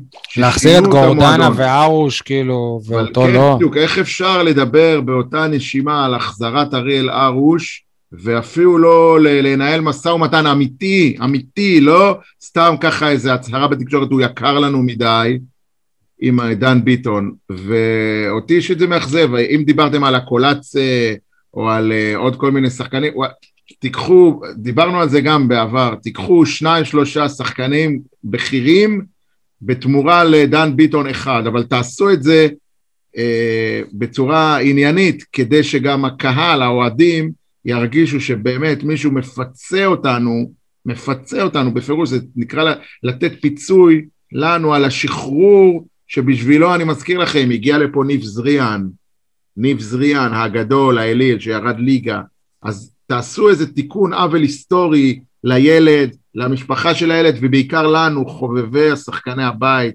האנשים, עד שסוף סוף יש יהלום כזה שמצליח, באמת מצליח, אנחנו אפילו לא קנדידט כדי להתחרות עליו, אנחנו סתם עושים קולות של, של רעש וצלצולים. דרך אגב, אומר- עוד משהו שאתם מדברים עליו תמיד. לא עושים ש- קולות, אייל, אפילו לא עושים קולות. במועדון זהו, לא זה עושים לא- קולות, זהו. אבל לא רק זה, לב, אבל גם אתה מדבר על להחזיר לנו ולפצות אותנו, אבל אף אחד לא רוצה פיצוי. אני, אנחנו, אני רוצה, כן, אתה. אני רוצה, אני רוצה א- שיהיה לי ילד איפה. כולם? אבל איפה מה? שהזוי פה גם, ככל שדן ביטון מצליח, זה מרחיק אותו מאיתנו. וכשהוא נכשל, אתה דיברת על זה, זה לא גם מרחיק. אותו וכשהוא מאיתנו. נכשל, זה גם מרחיק אותו מאיתנו. כלומר, אה, הוא לא שחקן, אה, הוא לא מה שנקרא הוא בלוז זה לוז הזוי, זה כאילו סיטואשן. מצב ש... ש... וואלה, אלונה, תתעשתי, באמת. זה לא נכון אבל, לא נכון עובדתית. למה לא? כי אריאל הרוש לא משחק שנתיים, וזה מקרב אותו אלינו. יפה, אבל המקרה של דן ביטון הוא אחרת. אתה זוכר את התירוצים שאמרו לנו, הוא לא יכול להיות ליד ג'וסואה, הוא על אותה משבצת, הוא דורך לו על הרגל, הוא לא מיכה דן לא דורך הוא לו, לא ודן עושה כן הגנה. די, זה מישהו צריך כאילו באמת לראות את הדברים בראייה כוללת, במבט על, על המועדון, על האסטרטגיה. את לא יכולה להשאיר את דן ביטון. יש מישהו כזה. לראות, גם דן ביטון, אני אומר לכם, אני בהרגשה שלי, אני רואה אותו עצוב במכבי תל אביב, עצוב. אני לא, לא דיברתי איתו, אבל בתחושת הבטן שלי הוא עבר תקופות לא פשוטות במכבי תל אביב, גם רז שכניק דיבר על זה. ולדעתי היה טיימינג טוב, יעלה כמה שיעלה, באמת, זה לא הכסף שלי, קל לי להגיד, נכון, אבל ש, ש, אני מוכן לשלם על זה בשחרור של שניים, שלושה שחקנים, בתמורה להביא דן ביטון אחד, ועם כל הכבוד לפרלי רוסה, או אתה יודע מה, אפילו לדור מיכה ולכולם, מה? אין- אילי אין מדמון שחקן אחד במקום שמעדיף אותו. מרסלו מלי, ואיך קוראים לו, אה, יש עוד כאלה מהנוער, הם ייתנו את אותה תרומה באותו כסף שאתה יכול לחסוך עבור דן ביטון. חן תעלומה. אה, ציטוט העונה, מבחינתי, הודעת החתימה של רוני לוי, כדורגל שמח, אה, ציטוט מביך, כבר באותו רגע זה היה מביך, ובטח ובטח בדיעבד בראייה לאחור, על מה שקרה עם הכדורגל של רוני לוי. לא, לא חייבים להגיב, תנו את הציטוט שלכם. ציטוט העונה שלי, בהמשך ישיר למה שאמרתי מקודם, זה דווקא ציטוט מלפני שתי עונות, והולך, אה, אני חושב שאתם יודעים על מה אני מדבר. אה, פעם נוספת בקריירה של אריאל הרוש, הוא יורק לבאר ממנה הוא שתה. אנחנו מאחלים לו בהצלחה רבה בקבוצתו השישית בשבע העונות האחרונות. עכשיו, זה קטע של יריקות הולך עכשיו בהפועל באר שבע, ואיזה קבוצה זאת שלו כבר? סול, אתה לוקח אותנו? לעונה הבאה, סול, אנחנו בעונה הזאת עדיין. עדי, תן לי ציטוט. וזה עדיין ציטוט, זה עדיין ציטוט. אבל כן, נכון, אבל אנחנו לא לא, יודעים אני- אם זה אני- קורה. אני האמת רוצה כן להתייחס לסיפור של הכדורגל שמח, שהפך להיות איזה מין ציטוט אה, מביך, לכאורה. אני דווקא נורא הבנתי מה אלונה אמרה שם, ולמה היא ציפתה. זה שהיא לא קיבלה זה משהו אחר. אבל בסופו של דבר הדברים היו מאוד מדויקים בזמן אמיתי. כן, אבל אתה לא יכול להביא בן אדם שידוע בכ- שהכדורגל שלו הוא לא כזה, ופתאום. להמציא שהוא כזה. לגמרי, זה נכון. זה נכון. אבל זה היה מאוד מאוד מנומק, בוא נאמר ככה. אני חושב שכל קשר בין אה, שמח ובין הפועל באר שבע באותם ימים היה מקרי עד דמיוני בהחלט. אייל, יש לך ציטוט? כן, הציטוט שלי, אני חושב שהוא מביס את הציטוטים של כולכם, זה רמי אדר מנסה לשדך את טיילור ברון לבת שלו. מבחינתי זה היה מצחיק, שנון ומרגש בעת ובעונה אחת. אוקיי. אה, נפרגן קצת לנו, מה מבחינתכם הפרק הכי מוצלח של העונה? גם... קשה לבחור, כי הרי כל פרק זה בוננזה. זהו, אז כמו. שעדי מקודם אמר, בספורט אתה טוב כמו המשחק האחרון שלך, אז אני אלך על הפרק הזה. או במילים אחרות, לא השקעתי מספיק מחשבה. לא, לא, השקעתי, השקעתי. טוב, עדי? שאלה קשה מדי, אני מתקשה לענות עליה. או, אז גם אתה לא השקעת מחשבה. אייל? השקעתי, אבל אני מתקשה, אה, ועדיין טוב, מתקשה. אז אייל, אתה- אתה-. קודם כל נשמח אם בפרק... אייל מתקשה את לפתוח להם המיקרופון. מיקרופון. כן. מבחינתי הפרקים הכי, שאני הכי נהנה בהם זה הפרקים הגלובליים, שיצאנו מגבולות הקבוצה והעיר, הקלטנו פרק עם אה, עיתונאי צרפתי, הקלטנו פרק עם אה, עיתונאי צ'כי, אה, אפילו הפרק האחרון שהיה עם אנשי נובחים בירוק היה בעיניי מרתק או מרגש או מעניין. מה, היה לנו פעם, לא בעונה הזאת, היה לנו אורח שוודי, עיתונאי שוודי כן, שהתארח זו אצלנו בפוד. כן. כן. אלה הפרקים שמבחינתי הם אה, הכי הכי מהנים בהיי עבורי. טוב. אה, אני מבחינתי פרק ה-200, גם זה היה ציון דרך אה, משמעותי, גם, היו, גם זה היה בדיוק באירועים מאוד מאוד אה, מיוחדים, שאבוקסיס הלך, ולונה חזרה, וז'וזווה עם שערוריית אה, היריקה, והבכורה של עדי כשחקן חיזוק לפוד, אז זה היה פרק אה, די מושלם. היה לנו גם פרק מרגש לזכרו של אה, בנצי בלומנפלד עם אובידי נכון. אובן. נכון. דרך נכון. אגב, ה- אתם זוכרים, יניב ושי, האם העונה שעברה התחברה לה איכשהו עם העונה הזו? כמה זמן פגרה היה? לדעתי היה עשינו איזושהי פגרה קצרה, של שבוע. משהו לא, כזה. יותר קצת, איזה שבועיים, לדעתי שתי שלושה. העונות התחברו לנו מבלי שנרגיש. נכון, היה תקופה ארוכה ב- בגל הראשון של הקורונה, שהיינו בהפוגה כן. של איזה חודש, אבל... עד שאלונה הודיעה שהיא עוזבת, ואז כן. התחלנו להקליט. כן, אבל זה- מבחינת העונות, מבחינת, כאילו, נראה לי כאילו שתי עונות התחברו לנו ביחד בפ- בפוד הזה. הגל ההוא זה היה ג- גל לוי, סתם שתדע. כן. אולי גיא לוי הוא העובד המצטיין, אגב. באלף. כן. העובד בחדר הפיזיותרפיה. כן.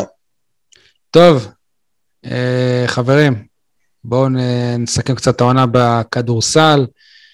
תחילת העונה המועדון הצהיר שהמטרה שלו היא פלייאוף עליון, כמו שיניב תמיד אה, דואג לציין, והמועדון עמד במטרה, אבל אה, חלק האחרון של העונה באמת היה מרגש. גם ההתפוצצות של קיילה בגדה, הכוכב הכי גדול שהיה בקבוצה, גם הניצחונות על אה, מכבי תל אביב והפועל אילת, ואחר כך, שזה הסתיים עם עזיבה של אגדה וגריפין, ולמרות זאת, איך שרמי אדר אמר, שהרוח של הקבוצה פתאום אה, היא זאת שדיברה, הקבוצה המשיכה לתפקד, הקשתה מאוד על אה, מכבי תל אביב בפלייאוף. באמת זאת הייתה עונה מר- מרגשת, ומה שאולי בעצם אומר הכל, שזאת פעם הראשונה שכואב לי שעונת הכדורסל היא, היא אה, מסתיימת, וכבר אין לי משחק אה, לבוא לקונחייה השבוע לראות את נו. החבורה המופלאה הזאת. נו יניב, הקבוצה עמדה במטרות לדעתך? ברור שכן. אה, יופי, תודה. עכשיו יניב, תציב לנו... רגע, אייל, אני אחכה אותך רגע. ירדה ליגה הבאה. כמו בתחילת העונה. תמשיכו, טענת תמשיכו, נו. נו, תמשיכו. אני מה, מביא מה? פה- אני מביא פופקורן. טענת שהיא תרד ליגה, שאתה מפחד שתרד ליגה. נכון, נכון. אני יותר ירדה מזמן פחדתי. אני אגיד לך יותר מזה, גם בעונה הבאה אני פוחד שנרד ליגה. אני לא, אני פוחד שלא תהיה קבוצה בכלל בעונה הבאה, אבל היא. תרד ליגה. סטטיסטיקה, מלך הסלים למשחק בליגה הסדירה, כאלה בגדה, כאילו של כל הליגה, לא של הפועל עם 22.9 נקודות למשחק. הק- הקבוצה עם, אגדה הוא גם מקום חמישי במדד היעילות בליגה עם 23.5 נקודות. הוא מקום ראשון גם בחטיפות למשחק עם 2.4 ונקודות לדקה, הוא גם במקום הראשון עם 0.82 נקודות לדקה. אה, זה, זה, נ- זה נתון שאני לא כזה הבנתי, שתום מעיין הוא מקום ראשון בליגה, יחס עיבודים, יחס אה, אסיסטים ועיבודים, לא הבנתי אם זה טוב או רע, כאילו. אייל, אתה יכול להסביר לי את זה? הוא יותר מעבד. או... ברור, הוא יותר, הוא יותר מוסר מאשר מאבד. אה, אוקיי, אבל בסדר. הוא, לדעתי הוא הוא יותר בקושי- בספסל מאשר משחק. כן, אגב, אה. הקולציה מוביל את הליגה בזריקות לשלוש. כן. הוא היה חייב להכניס כדורגל. אריק גריפין הוא במקום החמישי בליגה בעיבודים, למשחק עם 2.8 עיבודים. אמיר בל ובטיסות באופן... לחו"ל לפני הזמן. אתה יודע, שי, עצור רגע, אתה יודע שאני קלטתי משהו בתקופה האחרונה, זה לא היה בעבר. מאמן שמורחק, אסור לו להתראיין אחרי המשחק. למשל, רן בן שמעון נגד פתח תקווה, בכדורגל או בכדורסל או גם וגם? בכדורגל. רן בן שמעון היה מורחק, ובראיונות של אחר המשחק היה משה אוחיון. אתה מכיר את החוק הזה? כאילו לא ניתן למאמן שמורחק את הכבוד גם לעמוד בעמדת הראיונות. אני לא יודע עד כמה הם רואים אז בזה אני כבוד. אומר לך, את כאלה בגדה ואת אריק גריפין הייתי מוריד מרשימות של המינהלת. אתם לא, לא צריכים להישאר שם. אתה קוצוני! כן, כן. הלכתם ככה בבושת פנים, בשעה קשה, לליגה ולמדינה, אתם לא חלק מה- מה- מהסטטיסטיקה, די. די, אומר לך את האמת, זה, אני מתבייש להגיד את זה, אבל נמאסתי כבר מכל הרכבת זרים שיש פה. זה נהיה קרחנה אחת גדולה. באופן מפתיע, אמיר בל במקום הראשון בליגה בעיבודים, של 3.6 עיבודים למ- למ- למשחק. כמובן, באופן לא מפתיע, אמיר המדדים בל ה- זה גבר אמיתי, אמיר בל זה חייל נאמן, אמיר בל זה מישהו ללכת איתו לקרב. אמיר בל זה שחקן שהחוזה שלו לעונה הבאה הוא לא היה בטוח, אז אה, לא משנה עכשיו. אל תסביר לי, תביא לי סיבות ותירוצים. אמיר בל הוכיח נאמנות למועדון, ו- ודרך אגב, הוא הוכיח גם יכולת טובה, אחרי שהם הלכו, הוא נכון. השתדרג, ומגיע לו על זה הארכת חוזה. הפועל באר שבע במ- במקום הראשון הקבוצתי בריבאונד אה, התקפה עם 15.7 למשחק, ובמקום השני בריבאונד כללי עם 40.3 ריבאונדים למשחק. אלה נתונים אה, מדהימים. אה, מקום ראשון עם גליל עליון בעבירות למשחק עם 23.3, מקום ראשון בחטיפות, 9.7 חטיפות למשחק, ומקום ראשון בחסימות עם 3.5 חסימות למשחק. זה נתונים באמת של קבוצה שאתה רואה שהיא קבוצה לוחמת. אה, אני אסכם את הקבוצה הזאת, את העונה הזאת של הקבוצה הזאת. פעם לפני שהפועל, סליחה, סליחה שאני משליך את זה על כדורגל, אבל כנראה שרק ככה אני יכול, ל... כאילו עולם הדימויים שלי הוא, הוא כנראה רק, בעולם הכדורגל. פעם לפני שהפועל באר שבע בכדורגל הייתה קבוצה שיכולנו בכלל לח- לחלום על אליפויות, מה בסך הכל רצינו שתהיה הפועל באר שבע בכדורגל, שתהיה קבוצה לוחמת, שיהיה קשה מאוד לשחק מולה, ושנדע שבערב נתון יכולה לנצח כל קבוצה ב- בליגה. וזאת בדיוק מבחינתי מה שהייתה הפועל באר שבע בכדורסל העונה. הדבר היחיד שהיה חסר לי בה זה שחקני בית. לצערי אנחנו עדיין לא שם, ייקח עוד הרבה זמן אם נהיה שם בכלל. מבחינתי הלוואי, הלוואי שהצליחו לשמור על הש- על השלד הזה. זה כולל כמובן את רמי אדר ושחקנים שכבר התחילו להזדהות עם הקבוצה, כמו, להיות מזוהים עם הקבוצה, כמו עמית זיס, שנתן סיום עונה מדהים, ספנסר וייס, הקפטן האהוב, נטע סגל, שעוד נדבר עליו בהמשך, והלוואי שיצרפו איזה ישראלי בכיר בחוזה ארוך טווח, ימ- ימשיכו לפגוע בזרים כמו שעשו לאחרונה. יש מה לצפות מהעונה הבאה, רק שהקהל אה, יגיע כבר. אה, עכשיו תסכמו אתם את העונה. אייל. כתב לך את הנאום הזה? הייתה. לא, אבל אני רוצה לשאול אותך שאלה. אחרי כל מה שהקראת עכשיו, ואחרי שלוש שנים באמת מקסימות, מדהימות, מופלאות, איך יכול להיות שרמי אדר לא חתום פה, לא לשנה הבאה, לשנים הבאות? אני באמת שואל. אני לא מכיר את רמי. ממה שאני מבין, אני לא סוכן שלו, אני לא מקבל אחוזים עסקה כזאת, אבל זה נראה לי עוול יותר מברק בכר לא ימשיך במכבי וגם הבן אדם אומר, אני רוצה להמשיך. בדיוק, איך, איך, אבל יש מה, מה קורה כי פה? לדעתי, לא יש יודעים מה היה חוסר. ודאות. יש חוסר ו- ודאות כל- כלכלי גדול סביב המועדון לעונה הבאה, וזה מה שגורם לזה. אבל שאלה בתכלס, כאילו רמי אדר יכול להביא את באר שבע יותר גבוה ממה שהוא הביא אותה? כאילו, ברור, אה, הוא הוא מוכיח את זה. מה זה ברור. יותר גבוה? מקום אחד ברור יותר שכן, גבוה? אם תביא לו תקציב נורמלי, כן. מה זה יותר גבוה? אתה לא תיקח אליפות. יפה, אבל בשבילו בוא זה אותו דבר. תגיע בוא נגיד ככה, לכל סולה. היותר למקום 4-5, כן. ו- וגביע בטעות. לא, אין בכדורסל גביע בטעות. למה? יש כדורסל גביע בטעות, למה? איזה גביע בטח בטעות? שיש. אתה יודע, ראשון לציון כזה, אתה יודע. אה, זה לא בטעות. חשבתי שתגיד לי אה, אליצור אשקלון, לא. לא, ראשון לציון, לא, קבוצה גדולה. לא. לא. עם לא הפועל אייל, אני בקושי שומע אותך, אם אתה יכול בבקשה להתקרב כן. למיקרופון, אני אשמח. ראשון לציון זה כמו ביתר, לא ביתר ירושלים. אה, נס ציונה כזה, זה לא. גביע בטעות? אה? נס ציונה כזה, זה לא 15 דקות תהילה שאפשר... כל הקבוצות האלה שזכו בגביע גם עשו עונות- עונות גדולות באותה עונה. לא זאת אומרת, זה לא...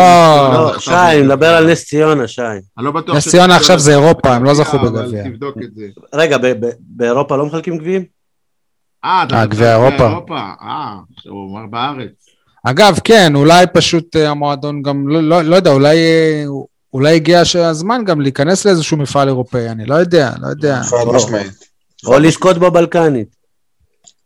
גם טוב. הגיע הזמן... בסוף, אה, בסוף לא יעזור, המועדון זקוק לבנייה משמעותית לאורך טווח, ומה שקרה בנס ציונה מוכיח את זה. ואין ספק שנעשית פה עבודה נכונה. השאלה עד כמה באמת היא עבודה שמספקת אה, אופק מספיק מיטבי לקבוצה.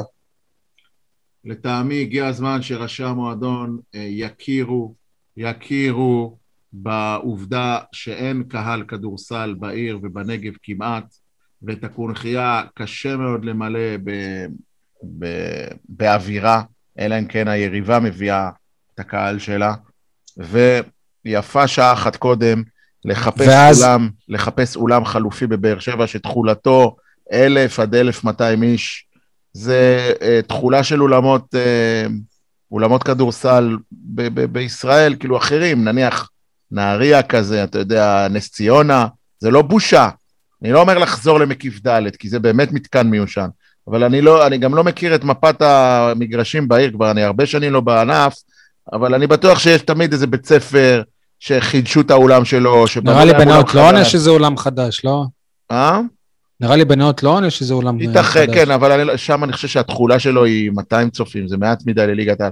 אבל צריך, באר שבע צריכה אה, אולם בסדר גודל, אה, נקרא לזה קטן עד בינוני, ושם לקיים את משחקי הבית שלה. זו דעתי לפחות, זה לא יקרה מחר, זה יקרה בטווח של כמה שנים, אבל אם אתם שואלים אותי, משם אפשר להתחיל לצמוח, ל- ל- ל- לגייס קהל. כי האווירה בקונכייה קשה מאוד לייצר, למרות שלא נכחתי העונה, אבל אני רואה בטלוויזיה. קשה מאוד, ש... הקהל גם מרוחק מהפרקט. או שאפשר לעשות הצגה כפולה, קודם כל הפסטיגל, ואחרי זה המשחק. כן, נו, אבל פסטיגל... הקונכייה תהיה מלאה. בשנה, בחנוכה, זהו. שאר הזמן, מה עושים שם? איך אתם מסכמים את העונה הזאת? אתם, יש לכם מילות, מילות סיכום? קודם כל, אני אתחיל באמרתי לכם, שאני אוהב לעשות את זה. מעבר לזה... שנה הבאה עושים אה, פינה, אמרתי לכם, של יניב סון. כן, יאללה. עכשיו, בלי שום קשר, תחשבו עם ניהול נכון, מה הם עושים ש- שנה אחרי שנה, תחשבו אם היה להם טיפה יותר כסף, מה, מה אפשר היה להשיג. נחשוב על זה. אגב, תשליכו את זה גם על הכדורגל, עם ניהול נכון, מה אפשר לעשות. אייל, עדי, אתם אה, רוצים אה, כמה מילים? כמה מילות סיכום? על העונה הזאת בכדורגל? אני חושב שהייתה עונה באמת מקסימה, עם uh, מין תחושה כזו שאפשר היה להשיג טיפה יותר. שזה יתפספס על uh, חודו של uh, סע לפה או לשם. בעיקר כי באמת uh, לא היו קבוצות סופר דומיננטיות, הפועל ירושלים הייתה מאוד בינונית השנה, מכבי תל אביב גם הייתה פריחה, ובסוף בליגה הקבוצות הבאמת משמעותיות, חולון ו... גלבוע ואילת זה לכאורה קבוצות שבאר שבע יכולה להתמודד איתן. אז עכשיו נעבור לפינות שלנו.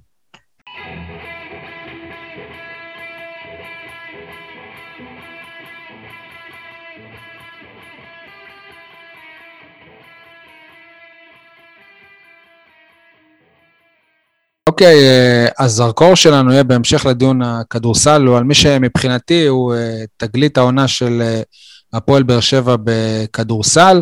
אני מדבר על אה, נטע סגל, אהלן אה, נטע, ברוך הבא לפודקאסט שלנו. שלום, שלום. מה שלומך? בסדר גמור, מה נשמע? אנחנו בסדר, תודה.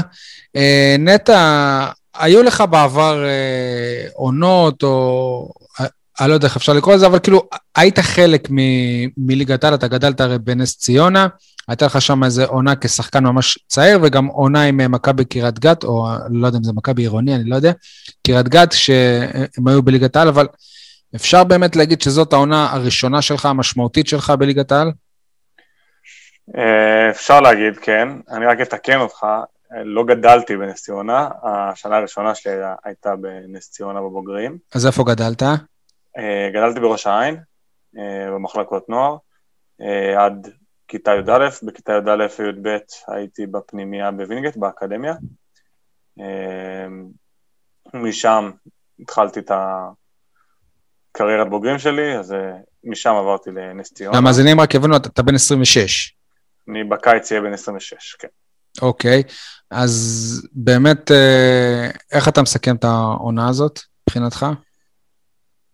אה, רכבת הרים, אפשר להגדיר את זה מכל uh, הבחינה, גם מבחינה אישית, גם מבחינה קבוצתית, גם מבחינה uh, איך שהליגה התנהלה, עם כל הסגרים וה... והסגר האחרון שנכפה עלינו, לא כמו סגר, יותר הפסקה של המבצע בעזה, אז הרבה עליות וירידות. אני חושב שזה היה תהליך ארוך, שגם לי לקח בהתחלה תקופה להסתגל שוב לגדלים ולרמה של ליגת העל, אבל uh, אני חושב שיחסית uh, בש, ברגע שהגעתי וחזרתי ל... בוא נגיד לקצב של ליגת העל, שהוא שונה ברמה ענקית מהליגה הלאומית, אז uh, נכנסתי מהר מאוד לעניינים ו... והראיתי שאני מסוגל לשחק ב... בליגה הזאת, ואני במיוחד בחלק האחרון של העונה מאוד מרוצה. אז זהו, נטע, קודם כל, אה, אה, לא נהוג לומר אה, שבחו של אדם בפניו, אבל מבחינתי אתה היית המרענן הרשמי של הקבוצה, נכון, היו שם, אתה יודע, הכוכבים הרגילים, אגדה, גריפין, ספנסר וייס, אבל אני מבחינתי, הלב שלי יצא אליך כל פעם שעלית על הפרקט, לראות... אני חייב לציין שהוא גם היה אומר את זה בחלק מהפרקים פה. אה, כן, לראות, מבחינתי, אתה נכנסת לנעליים אה, לא, לא, לא קטנות, גדולות, למרות שבטח מידת הנעליים שלו הם לא גדולה, של אדי כהן סבן, ואדי כהן סבן היה בשבילי אה, סוג של סמל שקיוויתי שיתפתח פה להרבה שנים, אז אני אקצר את זה, אבל להגיד שאתה עשית את זה בצורה נהדרת. אה, נכון, אמרת רכבת הרים וכאלה, אבל שיחקת אותה בגדול. אה, והדבר השני, ש, שבו אני בעצם מפנה לך את השאלה, בעצם מה, מה גילית, חוץ מהקצב, גילית בין ליגה לאומית לליגת העל, יש פה דרך אגב תופעה בכדורסל הישראלי, בעיקר בחודש האחרון של המון שחקני לאומית שעולים לליגת העל, ואני חייב להגיד לך שאני לא הכרתי אותך לפני כן, אבל מהרגע הראשון קלטתי שאתה, איך בזבזת שנים בליגה הלאומית? כאילו, נראה לי הזוי. אתה בעיניי יכול להתפתח להיות אחד משלושת הרכזים הישראלים הטובים בארץ. רגע, אייל, אייל, אנחנו לא אבל... רוצים שיעשה לנו כמו כהן סבן, אז אל תעלה לו יותר מדי, בסדר? בסדר, לא יודע, אני גם לא יודע מה המעמד החוזי שלו, אם יש לו חוזה לעונה הבאה, אין לי מושג, אני אומר לו את זה ככה as is, מה שאני מרגיש. השאלה שלי היא באמת, מה הקושי שנתקלת בו? כי בעיניי אתה שחקן ליגת העל לגיטימי. אז אה, קודם כל, תודה. אה, אני חושב ש... קודם כל להגיע לליגת העל זה לא מספיק רק יכולת, אה, צריך להיות הרבה חזק בראש, לא, יש לא חסר שחקנים בליגה הלאומית שהם יכולת ומבחינת כישרון אה, מתאימים לליגת העל, אבל לא מספיק חזקים בראש, או לא מוצאים את המקום הנכון שממנו הם יכולים אה, לעשות את הקפיצה ולהגיע לליגת העל. אני חושב ש... בשנים האחרונות עברתי סוג של תהליך התבגרות נפשית בעיקר, גם מבחינת uh, הכדורסל שלי, מבחינת להוביל, קבוצה, להוביל קבוצות בליגה הלאומית, ו... ואני השנה, אין ספק שהגעתי הרבה יותר מוכן פיזית, מנטלית, לסיטואציה, uh, ו... ולקח, והייתי מוכן בראש שגם שיהיו רגעים קשים, זה להישאר מכוון מטרה ולחכות לרגע שוב, ושהוא יגיע, אז לבוא ולקחת אותו. הייתה איזה נקודה במהלך העונה שהרגשת שממנה באמת, כאילו, עזוב, אני לא מדבר על הסוף שמבחינתנו סוג של uh, התפוצצת, אבל מה במהלך העונה, היה איזשהו רגע שאמרת, טוב, הנה, זהו, זה, מכאן אני מרגיש שבאמת עכשיו, אני כאן, אני בליגת העל ואני בסדר. אני חושב, התחלנו את העונה, אה, שוב, עם, הפ, עם הפגרה הזאת באמצע של הסגר של החגים, שדי תקע את כולנו, ואז חזרנו עם הבלקנית. אז אז שוב זה הרגיש כאילו אתה עושה שוב הכנה מההתחלה. אה, אני חושב שקצת אחרי זה, איפשהו באזור נובמבר-דצמבר, אני חושב שזה היה אחרי הפגרת נבחרות. אה, הגיעו שני שחקנים שחזרו מהנבחרת פצועים אצלנו. ג'וקוביץ' ואגדה. נכון, שניהם הגיעו פצועים, אז זה פינה המון דקות. ואני חושב שהיה שם, היה לי משחק נגד חולון בבית, ששם התחבר יחד עם שני משחקים נגד ירושלים, גם באחת בבלקנית ואחד בליגה, שהיה לי שם דקות טובות בשלושת המשחקים האלה, שהרגשתי, אוקיי, אני, אני פה. כאילו, אני, אני כאן ואני אני, אני ב-level הזה להישאר. עד כמה למועדון אה, הפועל באר שבע ולאנשים ספציפיים, אני לא יודע, תגיד לנו אתה, יש חלק בזה של, עזוב את נטע סגל, אלא לקחת שחקן מליגה לאומית ולתת לו באמת במה כלים להוכיח שהוא, שהוא יכול להשתלב בליגת העל, כי שוב אנחנו חוזרים לדוגמה של כהן סבן, שראינו את זה ממש קורה מול העיניים, בתהליך ארוך אמנם, אבל זה גם קרה. השאלה אם באמת להפועל באר שבע יש איזה יתרון מובנה כמערכת, אולי לרמי כ, כמאמן, כן להצליח בדברים כאלה. אמ, קודם כל, הפועל באר שבע היא יחסית חדשה עוד בליגת העל, אבל כן בשלושת השנים האחרונות, אם אני, נכון? שלוש, שלוש שנים. זאת העונה השלישית. זאת הייתה העונה השלישית, אז קודם כל בעונה הראשונה הם עלו עם חלק מהסגל, אם זה עדי וגרשון ובן, ששלושתם עלו ו... ושיחקו ונתנו דקות מאוד טובות בליגת העל. אמ, יש את, כמובן, את דניאל ותומר, שמאחורי הקלעים כביכול. דניאל, ר... דניאל רביץ, המנהל המקצועי, תומר ירון המנכ"ל. שעוקבים אחרי הרבה שחקנים, אני יודע, שחקני ליגה לאומית, ועוקבים אחרי שחקנים, והולכים למשחקי ליגה לאומית, ורואים שחקנים שזה מעניינים אותם. אמ, וכמובן, בסופו של דבר, מי שמחליט מי משחק זה רמי.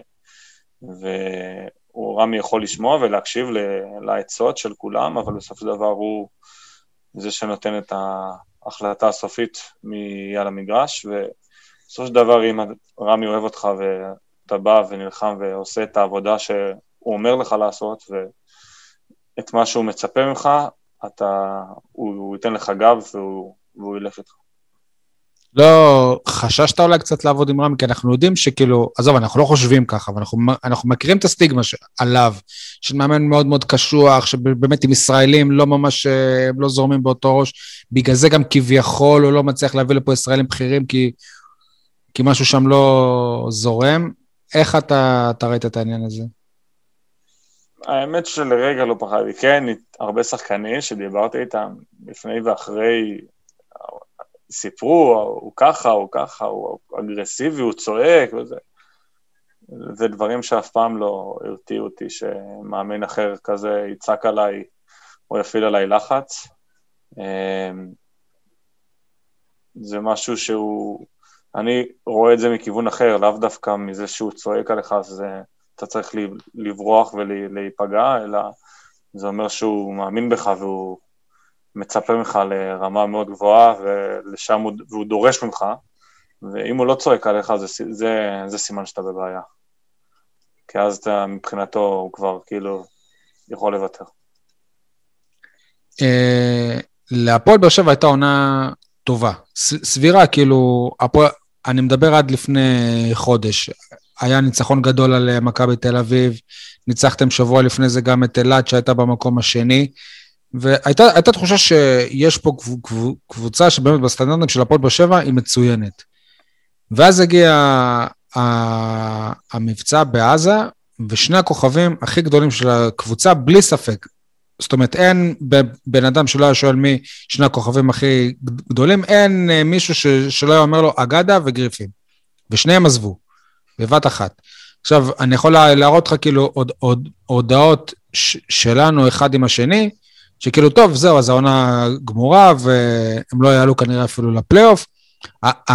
אני, אני שאלתי את אה, תומר ירון אם יש סיכוי בכלל שהם אה, תרדו עכשיו ליגה. כאילו, לא, לא הייתי כזה מעורה בטבלה, אבל זה היה החשש האמיתי שלי. ובאתם, ובעצם, אה, והמשכתם, כאילו שאין אגדה, אין גריפין, ניצחתם, כאילו, זה לא היה נראה ש, שבאמת עזבו אתכם שני, שני הכוכבים הכי גדולים. איך הצלחתם לעשות את זה? וזה גם אתה באופן אישי וזה גם הקבוצה. אה, כן, אין ספק. אתה ראית כזה איזשהו סוג של הזדמנות אולי? אין, אני אתחיל את מההתחלה, שדיברת על כלב וגריף, אז כן, שהם עזבו, קודם כל, אף אחד לא רצה שהם יעזבו, כי כן היה הרגשה, באמת כל השנה, שיש משהו מיוחד בסגל שחקנים הזה, אה, שיכלנו להגיע רחוק. אמ, וקרה מה שקרה עם המבצע, הם אה, החליטו לעזוב, ואני באמת מקבל ומבין כל החלטה שהם לקחו וכל סיבה שהיא, אמ, אבל קרה מה שקרה, אנחנו בסופו של דבר יש סגל שחקנים, אנחנו קבוצה, יש שיטה של הקבוצה ש... בזכות זה רצנו גם במהלך כל השנה שהיה משחקים פחות טובים לקיילב או לגריפין או לספנסר או לזה, אז תמיד יש מישהו אחר שבא ומילא את המקום. אה, כמובן, העזיבה של קיילב פינתה לי הרבה מאוד הזדמנויות ודקות, אה, ואני באתי, כמו שדיברנו בתחילת, ה... מתחילת הרעיון, אז זה להיות מוכן, ואני, זה להיות מנטלית מוכן כל הזמן, ואני שמח שבסופו של דבר באתי ולקחתי את זה. אתה יודע, גם למועדון, כאילו, הייתה את האופציה להביא שני זרים, אנחנו מכירים בכדורסל שאפשר להביא שני זרים מהיום להיום, שמחליפים זרים, כאילו אין, אין שום בעיה, אבל ההחלטה הזאת כן להישאר איתכם, זה גם משהו ש, ש, ש, ש, ששידר לכם ש, שמאמינים בכם? אין ספק, בוודאות, אתה צודק במאה אחוז.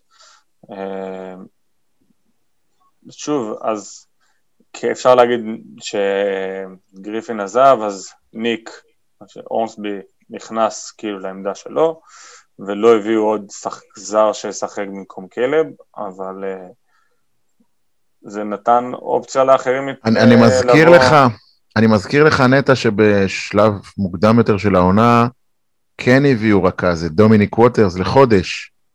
ואז נכון, אנחנו פה... זה כשהגדה היה פצוע כאילו, לא? כן, נכון. ואז כן. אנחנו פה בפוד הרמנו גבה, אנחנו, בוא, בוא נודה על האמת, רובנו אנשי כדורגל, מה זה להביא שחקן לחודש? כאילו, מה, מה הוא אה, בטריה שמטעינים אותה והיא מספיקה לחודש?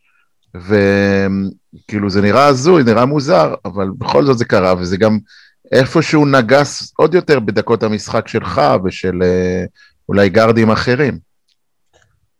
נכון, אה, החליטו אז להביא את דומיניק לתקופה, אני חושב שמאחורי הקלעים אני לא באמת יודע בדיוק את ההחלטות שם, אבל חששו שאולי החיסרון של קיילב יהיה הרבה יותר גדול ושאולי האורך זמן שהוא יהיה בחוץ יהיה ארוך יותר ולא שלושה שבועות חודש, ושאולי זה יימשך אפילו ליותר, אז העדיפו להביא עוד שחקן לעבות את הסגל.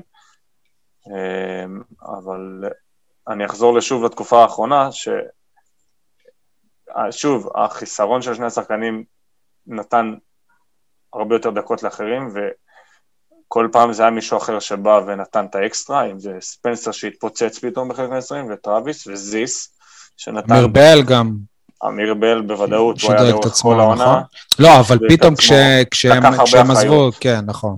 לקח הרבה יותר אחריות, והרבה יותר אה, זריקות, ופחות אה, המשיך עם המסירות, מה שהוא היה עושה יותר, אבל כן נתן יופי של סימונה, ועמית זיס שקפץ ועשה משחקים מטורפים, ו...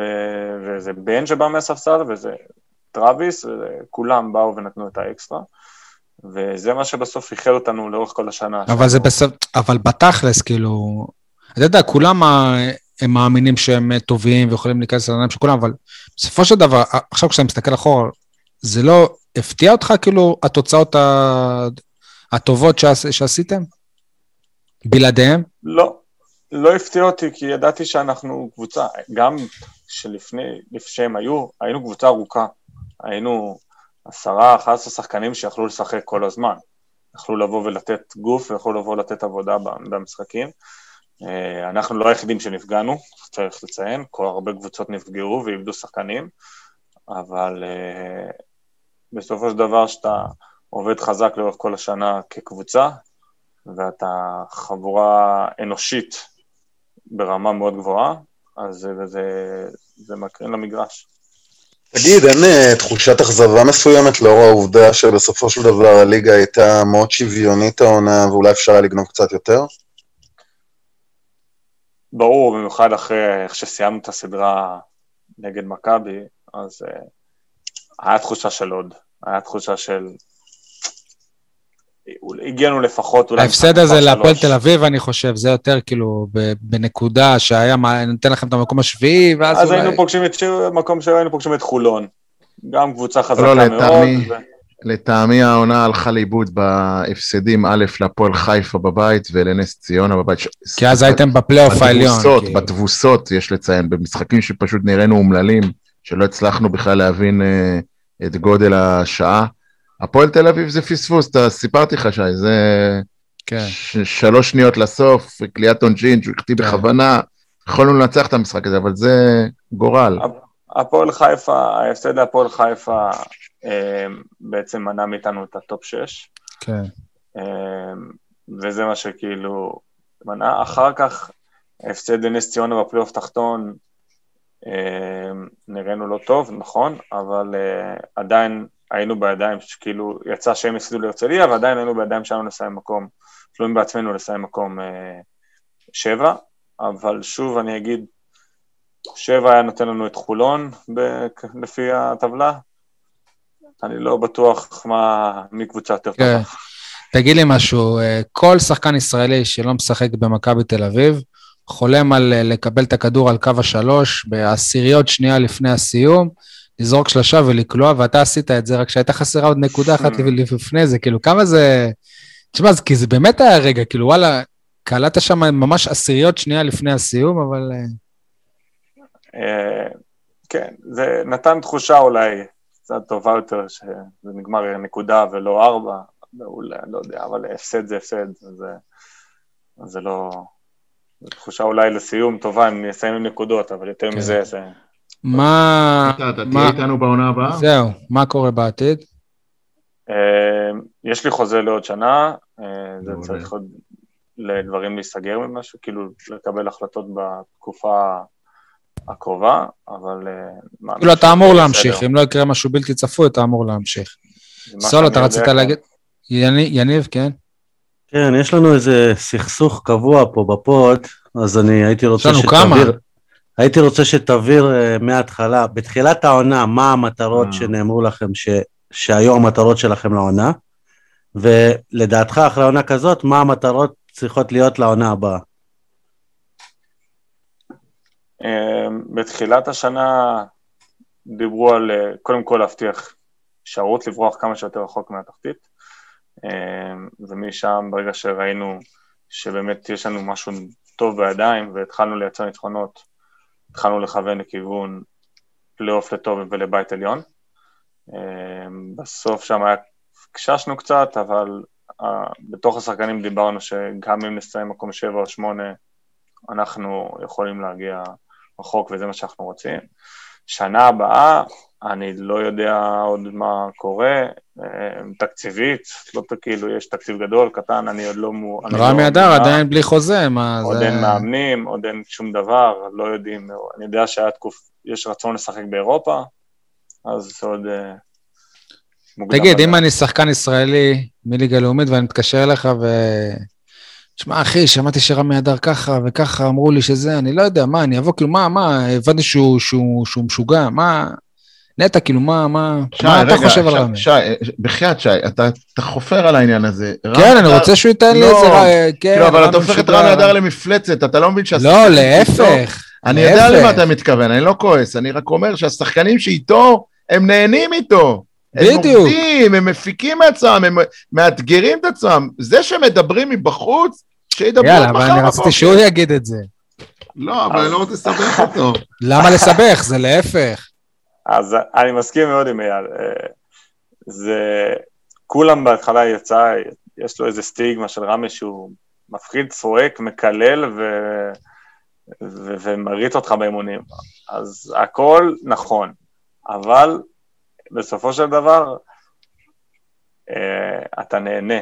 בסופו של דבר היום-יום הוא קשוח, הוא, הוא דורש, אבל אתה, אתה בסוף, יש איזה רגע בשלב באיזה משחק, באיזה, באימון, באיזה תקופה, לא יודע, בווידאו, שהוא אומר איזה משהו ואתה בסופו של דבר מבין את כמה אתה נהנה מהתקופה הזאת.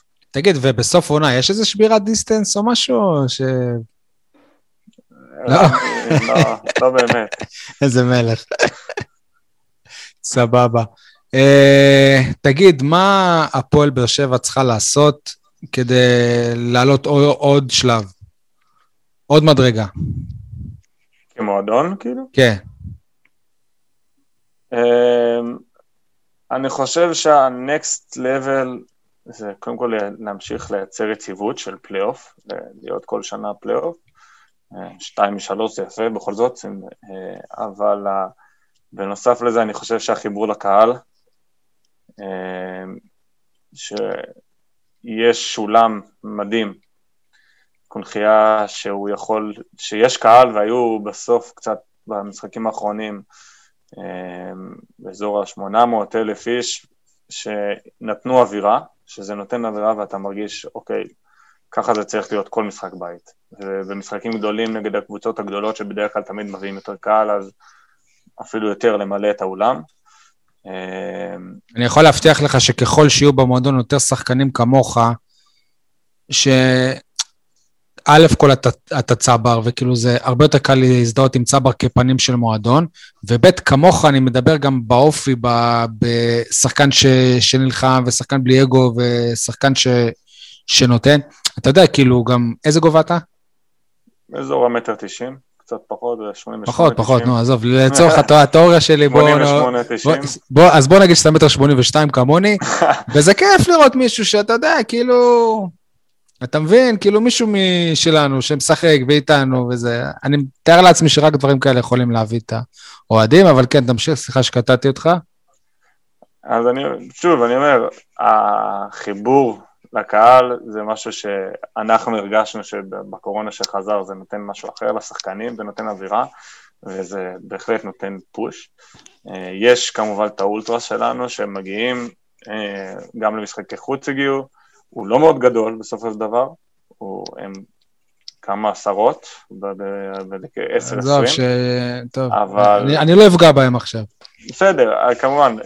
אתה יכול להגיד מונית. דבר, לא, לא, זה לא עניין שאין לי בעיה עם הכמות, אני מעריך כל אחד ואחד, אבל יש משחקים שהם לא היו, כמו נגד מכבי תל אביב, הם לא נכון, היו, אני לא יודע נכון, מה, מה הסיפור שם. היו כן. משחקים שהם לא היו, אני גם, אני לא נכנס לזה, אבל שאתה בסוף, היו, אנחנו, היו משחקים, יש את האצטדיון לידינו, את ההפטרנר, כן. שאתה בסופו של דבר רואה שם אלפים ועשרות אלפים, אז כן, אני לא משווה כדורגל לכדורסל, יש אהבה אחרת במדינה שלנו, אבל... אתה רואה את הפוטנציאל, ואתה רק uh, מקווה שזה גם יגיע אלינו. תשמע, נטע, אני רוצה להגיד לך, השחקן הקודם לדעתי שהיה אצלנו בפוד זה עמית זיס, ופרגנו לו, פרגנו לו, פרגנו לו, זה היה בתחילת העונה, ואז אתה לו מין נפילה. אז עכשיו הנפילה שלך תהיה בפגרה, ואנחנו מצפים שבתחילת העונה אתה, אתה תחזור כמו שסיימת אותה ותמשיך. שי, כן, אני מוכר, מה פתאום? אתה לא מסכים? שי, אני מוכר, עמית זיס התפוצץ מאז ה... לא, הייתה לו איזה נפילה, ורק אחרי זה הוא התאושש מהפרק איתנו. העונה הכי טובה בקריירה שלו עד עכשיו. כן, אבל לקח לו זמן להתאושש מהפרק, מהמחמאות שהרפת עליו. בסדר, טוב, אז אם לא, זה גם טוב, סבבה. אני, אני זוכר שבמשחק אחרי זה הוא קלע איזשהו... כן, אחרי זה הוא היה מעולה, אבל אז הייתה ירידה. בסדר. אנחנו סומכים עליך ועל עמית, שבאמת גם עמית אהוב עלינו מאוד, זה כיף, זה כיף לראות אתכם. הלוואי שת, שת, שתמשיכו בהפועל באר שבע, הלוואי שהפרויקט הזה בכלל אה, ימ, ימשיך, כי מבחינתנו ת, תמיד יש איזה סימן שאלה של מה, אז ארזי כן ימשיך וארזי, כי בסופו של דבר, בסוף בסוף בסוף זה תלוי רק בבן אדם אחד, ואנחנו מקווים שיישאר לו הכוח להמשיך את הפרויקט הזה. ומה אכפת לך להגיד שהמטרה אליפות? כי הוא עוד לא חתם במכבי תל אביב. כספורטאי תמיד המטרה היא אליפות. בואו בוא נהיה אמיתיים. ספורטאי תמיד המטרה היא אליפות ולהגיע לקחת את הצלחת. אין מה לעשות. אנחנו בסופו של דבר מנצחים בשביל לנצח. זה, בשביל זה אנחנו משחקים.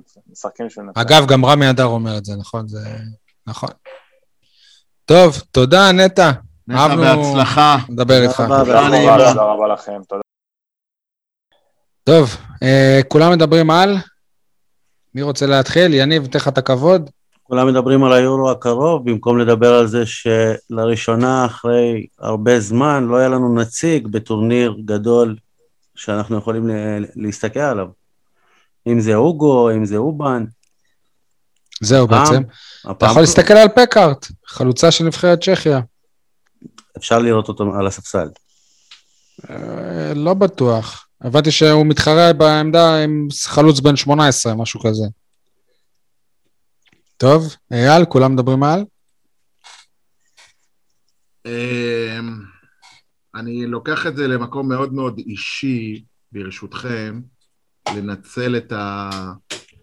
את ההקלטה החשובה הזאת, פרק סיום עונה, אה, כדי להיפרד מהכלבה האהובה שלנו במשפחה, לוקה, שהלכה לעולמה אתמול.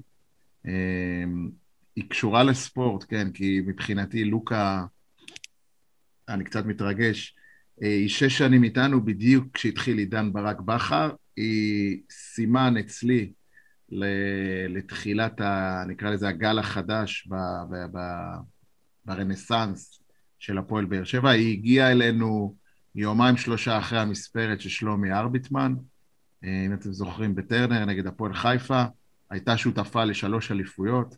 יש לנו הרבה רגעים של אה, שמחה שאנחנו שרים איתה שירי הפועל באר שבע, שמים עליה צעיף ועוטפים אותה בצעיף אדום וכולי וכולי, ואיכשהו אה, יצא ככה שאתמול היא הלכה לעולם משלה. אה, זהו, עצוב קצת, היה יומיים לא פשוטים, וכמובן מתגעגעים, ואם אה, אני יכול להיות שמח ומאושר על משהו שהקדשתי לה את הפרידה הזאת בפוד, שאני מקווה שזה יהיה, אתם יודעים, זה משהו הזוי, לכלבים אין קבר, אין מקום לעלות אליו לרגל. אז מדי כן. פעם אני והבן שלי והמשפחה, אם נרצה להיזכר בה אולי, נשמע את ההקלטה הזאת בעוד עשר שנים ב SoundCloud. זהו, מתגעגעים, לוקה. חשוב לציין, או ב Spotify או ב YouTube. סתם, אייל, אה, אני צוחק עכשיו, אבל וואלה, זה, זה, מר, זה מרגש. כן. לא נעים, אה, בסדר. טוב, אז אה, עדי, עכשיו אתה. כולם מדברים על תחזיר אותנו ככה ל... כן, קשה, קשה. Uh, זהו, אנחנו מדברים פה, מזכירים פה, כולם מדברים על כל מיני שחקנים, כולל uh, אפילו גנאי מסכנין שבדרך לבאר שבע, ואף אחד לא מדבר על פרלי רוסה. מה קורה איתו? מי הוא בכלל? אגב, הקולאצה.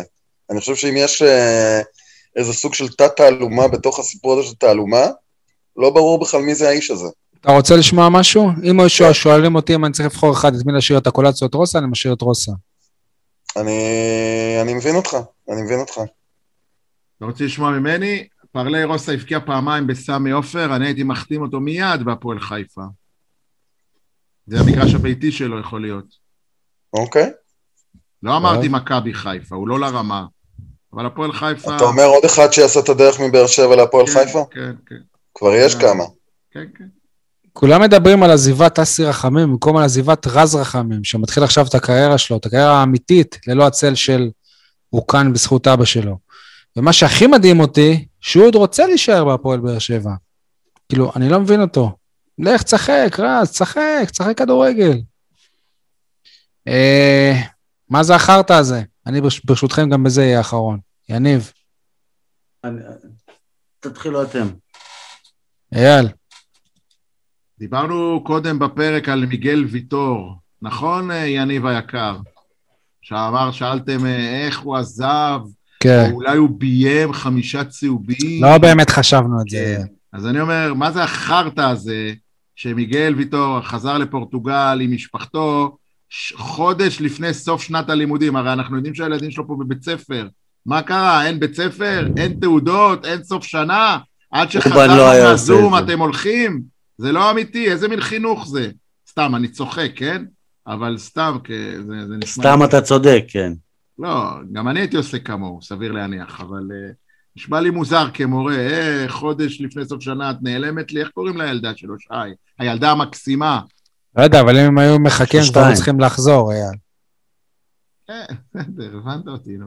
כן, כן. יש לו ילדה ששרה שירי ארץ ישראל וכאלה. כאילו, מה, אחותי, עוד מעט יוצאים לחופש, קבלי תעודה, תסעי לחופשת מולדת אצל סבתא.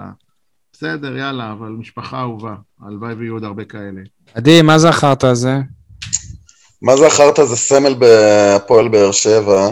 בואו נדבר על uh, לואי טאה, שהיום סיפר שהשיחה האחרונה שלו עם הפועל באר שבע הייתה עם אלונה לפני שבוע והייתה שיחה טובה, מאז הוא לא שמע עם...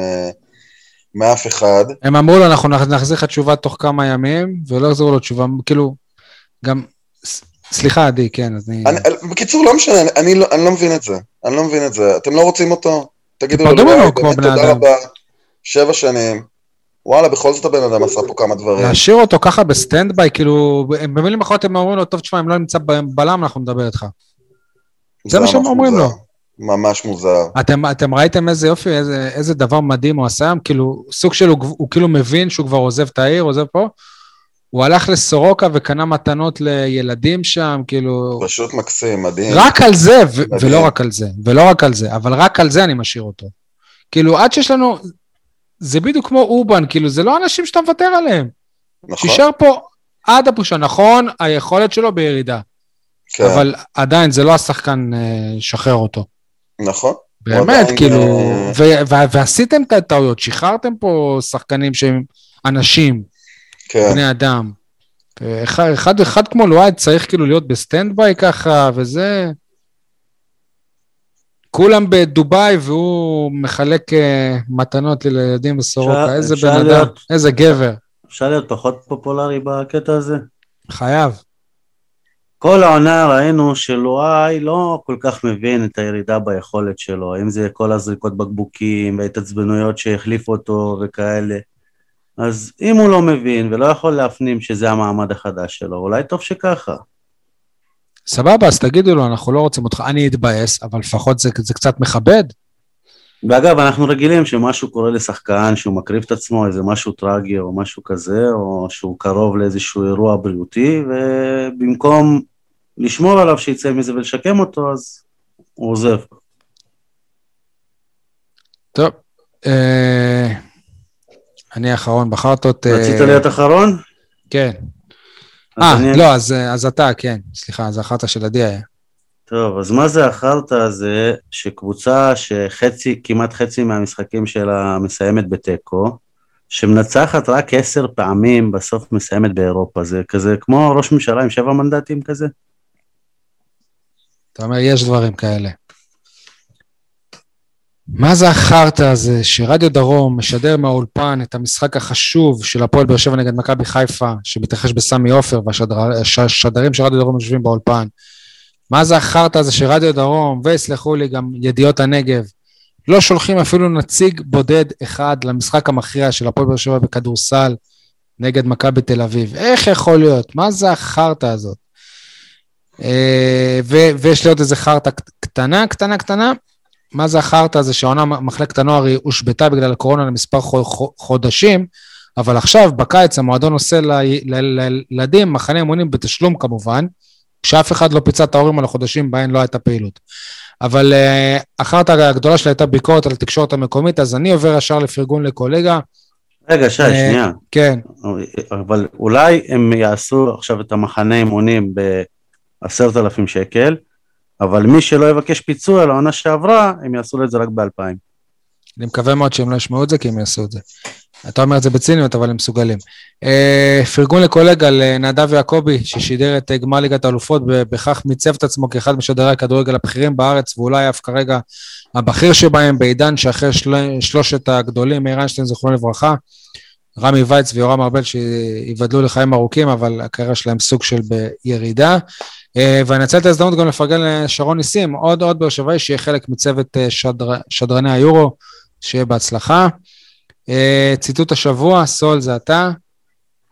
רגע, כאילו אתה מדבר מהר. ציטוט השבוע הולך לאסי רחמים, שכמובן אנחנו נפרדים ממנו. אז אסי רחמים אמר שהתהליך שמכבי חיפה עברה מזכיר את שלנו, כאילו את התהליך של באר שבע.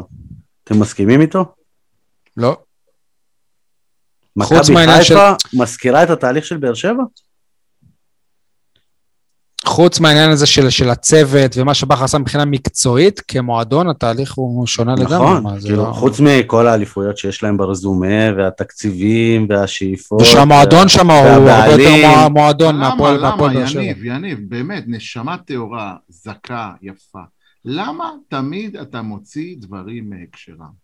מה אסי רחמים אמר במשפט הקצר הזה? התהליך שמכבי חיפה עברה מזכיר את זה של באר שבע. איך הגעת לאליפויות ולבעלים ולמנכ"ל? הוא דיבר על תהליך. מכבי חיפה והפועל באר שבע זה בדיוק אותו דבר. בכר בא, קיבל קבוצה מבושלת וקצר את הפירות, הגיש את האליפות על השולחן. זה מה שהוא התכוון, לאן לקחת את זה, בן אדם? לאן? מה נעשה תגיד. בלי המריבות שלכם עכשיו כל תגיד. הפגרה? בכר בא, קיבל קבוצה מבושלת, זה לא כן, תהליך. כמו שהוא בא לבאר שבע, קיבל מאלישע קבוצה דקה לפני האליפות, ככה הוא קיבל ממרקו בלבול קבוצה דקה וחצי לפני האליפות. מה לא? אוקיי. כאילו זה נשמע לך תמוה מה שאסי רחמים אמר, אני באמת לא מבין. בטח. יניב, אתה לקחת את זה פשוט בקטע של מועדון, ובמועדון אני מסכים איתך, אבל בקטע של לא קצת יכול להיות כדורגל, שבאר שבע, שכמועדון אפילו לא קרובה למ- למה שחיפה כמועדון, אבל חיפה מזכירה את, ב- את באר שבע, כאילו, תגיד זה לא יכול להיות- זה לא יכול להיות נכון בשום מציאות. כשלסטר לקחה אליפות, לא אמרו שהיא מזכירה את באר שבע, או באר שבע מזכירה את לסטר? לא אמרו, אז מה, אנחנו דומים ללסטר? הבעלים של לסטר זה ההוא שהתרסק במטוס, דרך אגב, נכון? מזכיר את, במסוק, אה, את, כן. הבע... את הבעלים של... מה הקשר? כאילו, אה, זה, זה, אתה, מס- אתה משווה בין סיטואציות, לא בין אה, דברים אחרים שאני לא יודע מאיפה אתה מביא אותם. קח את הדברים as is, בלי יותר מדי ניחוחות של אה, התחכמות. בוא, בוא נשווה, אם כבר, בוא נשווה שנייה את התהליך שהפועל באר שבע עברה לתהליך שמכבי חיפה עברה. הפועל באר אה, שבע, יניב, נו, רגע, אמרנו, שנייה, הפועל באר שבע הייתה שלוש שנים בצמרת עם אלישע לוי, בא ברק בכר, לקח אליפות. שנתיים אה, בצמרת. בינתיים. שנתיים, סבבה. מה התהליך של חיפה? עשר שנים בצמרת, רוצה אליפות, לא קרובה לזה אפילו, תמיד לא, יש זה לה לא נכון, לא תקציב, תמיד בצמרת יש כל לה... ה... הייתה להם עונה של פלייאוף תחתון, אם אני זוכר נכון. עונה בסדר, עונה אחת. אבל מבחינת מכבי חיפה, הם תמיד שאפו לאליפות, הפועל באר שבע, רק בחמש שנים האחרונות. טוב, חברים, אפשר עוד להתווכח על זה הרבה, אבל נוותר למאזינים על התענוג הזה. אה, חברים, הימורים, אייל, אני רוצה להכתיר אותך כאלוף ההימורים לעונת 2020-2021 של הפודקאסט שלנו, מחיאות כפיים, אני מערער על זה. לא ועדת. הערעורים. כמות לא המשחקים שאייל ביטל בדיעבד, לא לפני, אלא בדיעבד, אני הייתי זוכה בתחרות. אז מחיאות קודם כפיים ליניב, שהוא היה זוכה אם לא היו. ביטולים. קודם כל, קודם טבלה כל, יניב, אלטרנטיבית. קודם כל, אני מפרגן לך, אני מעניק לך את התואר אה, באהבה. דבר אני שני, מקבל אותו, אני מקבל אותו. שני, מה אתה- מה אתה חושב שאני אגיד את זה שלך? להמחיש, להמחיש, בפעם המי יודע כמה, שאתה טועה בספירות הקולות, לדעתי, שכחת את ההימורים של תחילת שנה, מי תהיה אלופה, מי תיכנס לפלייאוף, מי תיכנס לזה, ולא החשבת את זה בניקוד הנוכחי. תקן אותי אם אני טועה. נכון, כי אם הייתי מחשיב הייתי אתה עוד יש לוקח. לך סיכוי לנצח, אח שלי. אני לא בדקתי, אבל יש לך עוד סיכוי לנצח, אל תכתיר כתרים, איך אומרים? אל תשמח לפני הגול. אז נעדכן בעונה הבאה על מי באמת. זכה. בסדר, נשאיר את המאזין. באמת, בינתיים לפי הניקוד של משחקי הליגה הסדירה, מה שנקרא, 61 אייל, 52 יניב, אני עם 41, ועדי שהתחיל ממש באיחור, עם לא, אתה עם 18 נקודות. 51, שי. גם טוב. נקודה אה, מתחתיי. אני ואתה איפה של נקודה, באמת, פש, איזה כבוד. זה מגיע לאירופה? שאתה לא יודע. טוב. אתה- אתה קריית שמונה של הפוד. אתם רוצים לעשות איזה, טוב, אני אעשה את המילות סיכום, אחר כך אם אתם רוצים גם חברים, כל סוף עונה הוא אה, מרגש, זאת העונה החמישית, חמש עונות, סול, אני ואתה כאן חמש עונות, אנחנו כאן מהרגע הראשון. תודה רבה לך, תודה רבה לאייל שסוגר איתנו עונה- עונה שנייה ברציפות, תודה לעדי שהצטרף בחצי העונה האחרונה. זאת הייתה עונה של פרקי זום בלבד, אפילו לא יצא לנו להיפגש פיזית, אולי בעצם היו איזה כמה פרקים בא- באמצע שנפגשנו פיזית. אה, תודה לכם, חברים, אתם, שלוש, שלוש, שתיכם שהצלחתם להתמיד וכמעט בכל שבוע להקליט אה, פרק, זה לא מובן מאליו. אני מדבר בשם כולנו, תודה למשפחות שלנו, שזה מגיע על חשבון הזמן שלנו איתם. תודה למאזינים הקשובים שלנו והנאמנים. אנחנו מקווים שאנחנו נותנים לכם אה, שירות טוב, עכשיו פגרה, ננוח, לא, לא נטוס לדובאי, לא נטוס למיאמי, אבל נצבור אה, כוחות ונמשיך הלאה. יכול להיות שאני אעזוב את באר שבע בפגרה הזאת, אבל אה, בסדר. אה, חברים, אתם רוצים אתם מילות סיכום? תודה למאזינים כמובן, כן? מילות, מילות סיכום שלכם, יניב, שותפי, תחזירו ג'וסווה. חבל שנתתי לך מילות סיכום.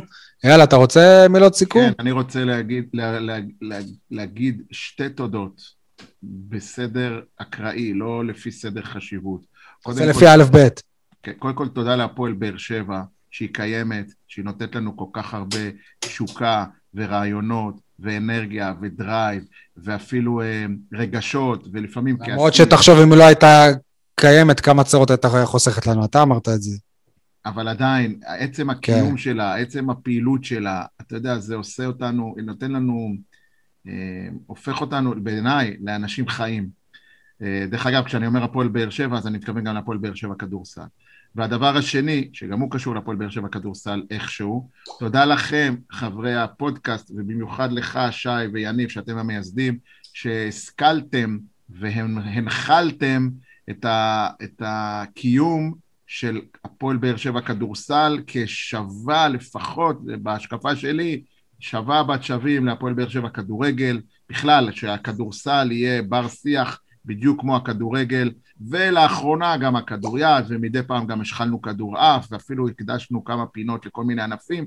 אם אתם שואלים אותי, בעידן שאנחנו נמצאים בו, שכמעט ואין תקשורת מקומית, ובטח לא כמו שהייתה בעבר, אני חושב שיש לפודקאסט הזה תפקיד, מקום, שליחות אפילו, ואני מקווה שהאנשים ברחוב, איך אומרים, ברחוב הספורטיבי, משנה לשנה מבינים ומאמינים יותר במוצר הזה. אז תודה לכם גם על עצם הדבר. תודה, אייל. למה אתה כזה עצוב? לא עצוב, אני כזה סתם. תודה, אייל, אייל. ככה אני קורא לך, אתה יודע. עדי, מילות סיכום? נראה לי זמן טוב לעבור לשיר, נאמר כבר הכל, לא? אז uh, מה אתם אומרים? אה, זה השיר? אם אייל מוכן, אם אייל כבר... אם אייל מוכן, כן. לא, לא, אייל, נאמר כבר הכל, ועכשיו זה זמן לשיר. כן, זה לא השיר. לא נאמר כבר הכל, התחלה חדשה של בנזין.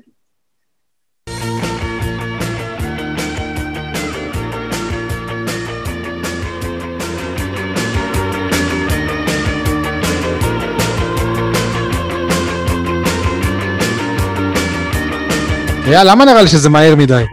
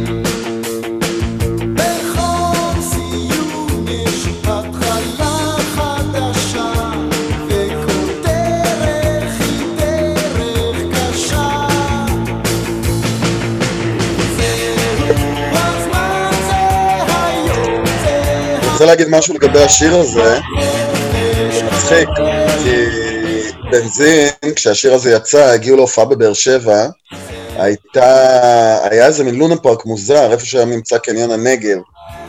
והייתה שם במה, בנזין הופיעו, וניגנו כל כך טוב שאף אחד לא האמין שהם לא באו עם פלייבק, כולם היו רגילים להופעות עם פלייבק, אז חיפשו מאיפה בעצם המוזיקה מגיעה. אף אחד לא האמין שפוליקר מנגן את זה באמת. בזמן אמיתי. זהו. אה, אתה יודע את. הדברים האלה, זה מדהים אותי. כי בקליפ רואים את, אה, ביוטיוב רואים את אה, אלי חדד, המתופף ההיסטורי של בנזין, מנגן על אבטיח. אז בכלל ממחיש את העניין הזה. אם הוא היה מנגן על מלפפון, זה בכלל היה מוביל אותנו לעונה- לעונת. המלפפונים. שמע, אבטיח זה סוג של מלפפון, אתה יודע, כן. אז אוקיי. אז תודה. תודה, חברים.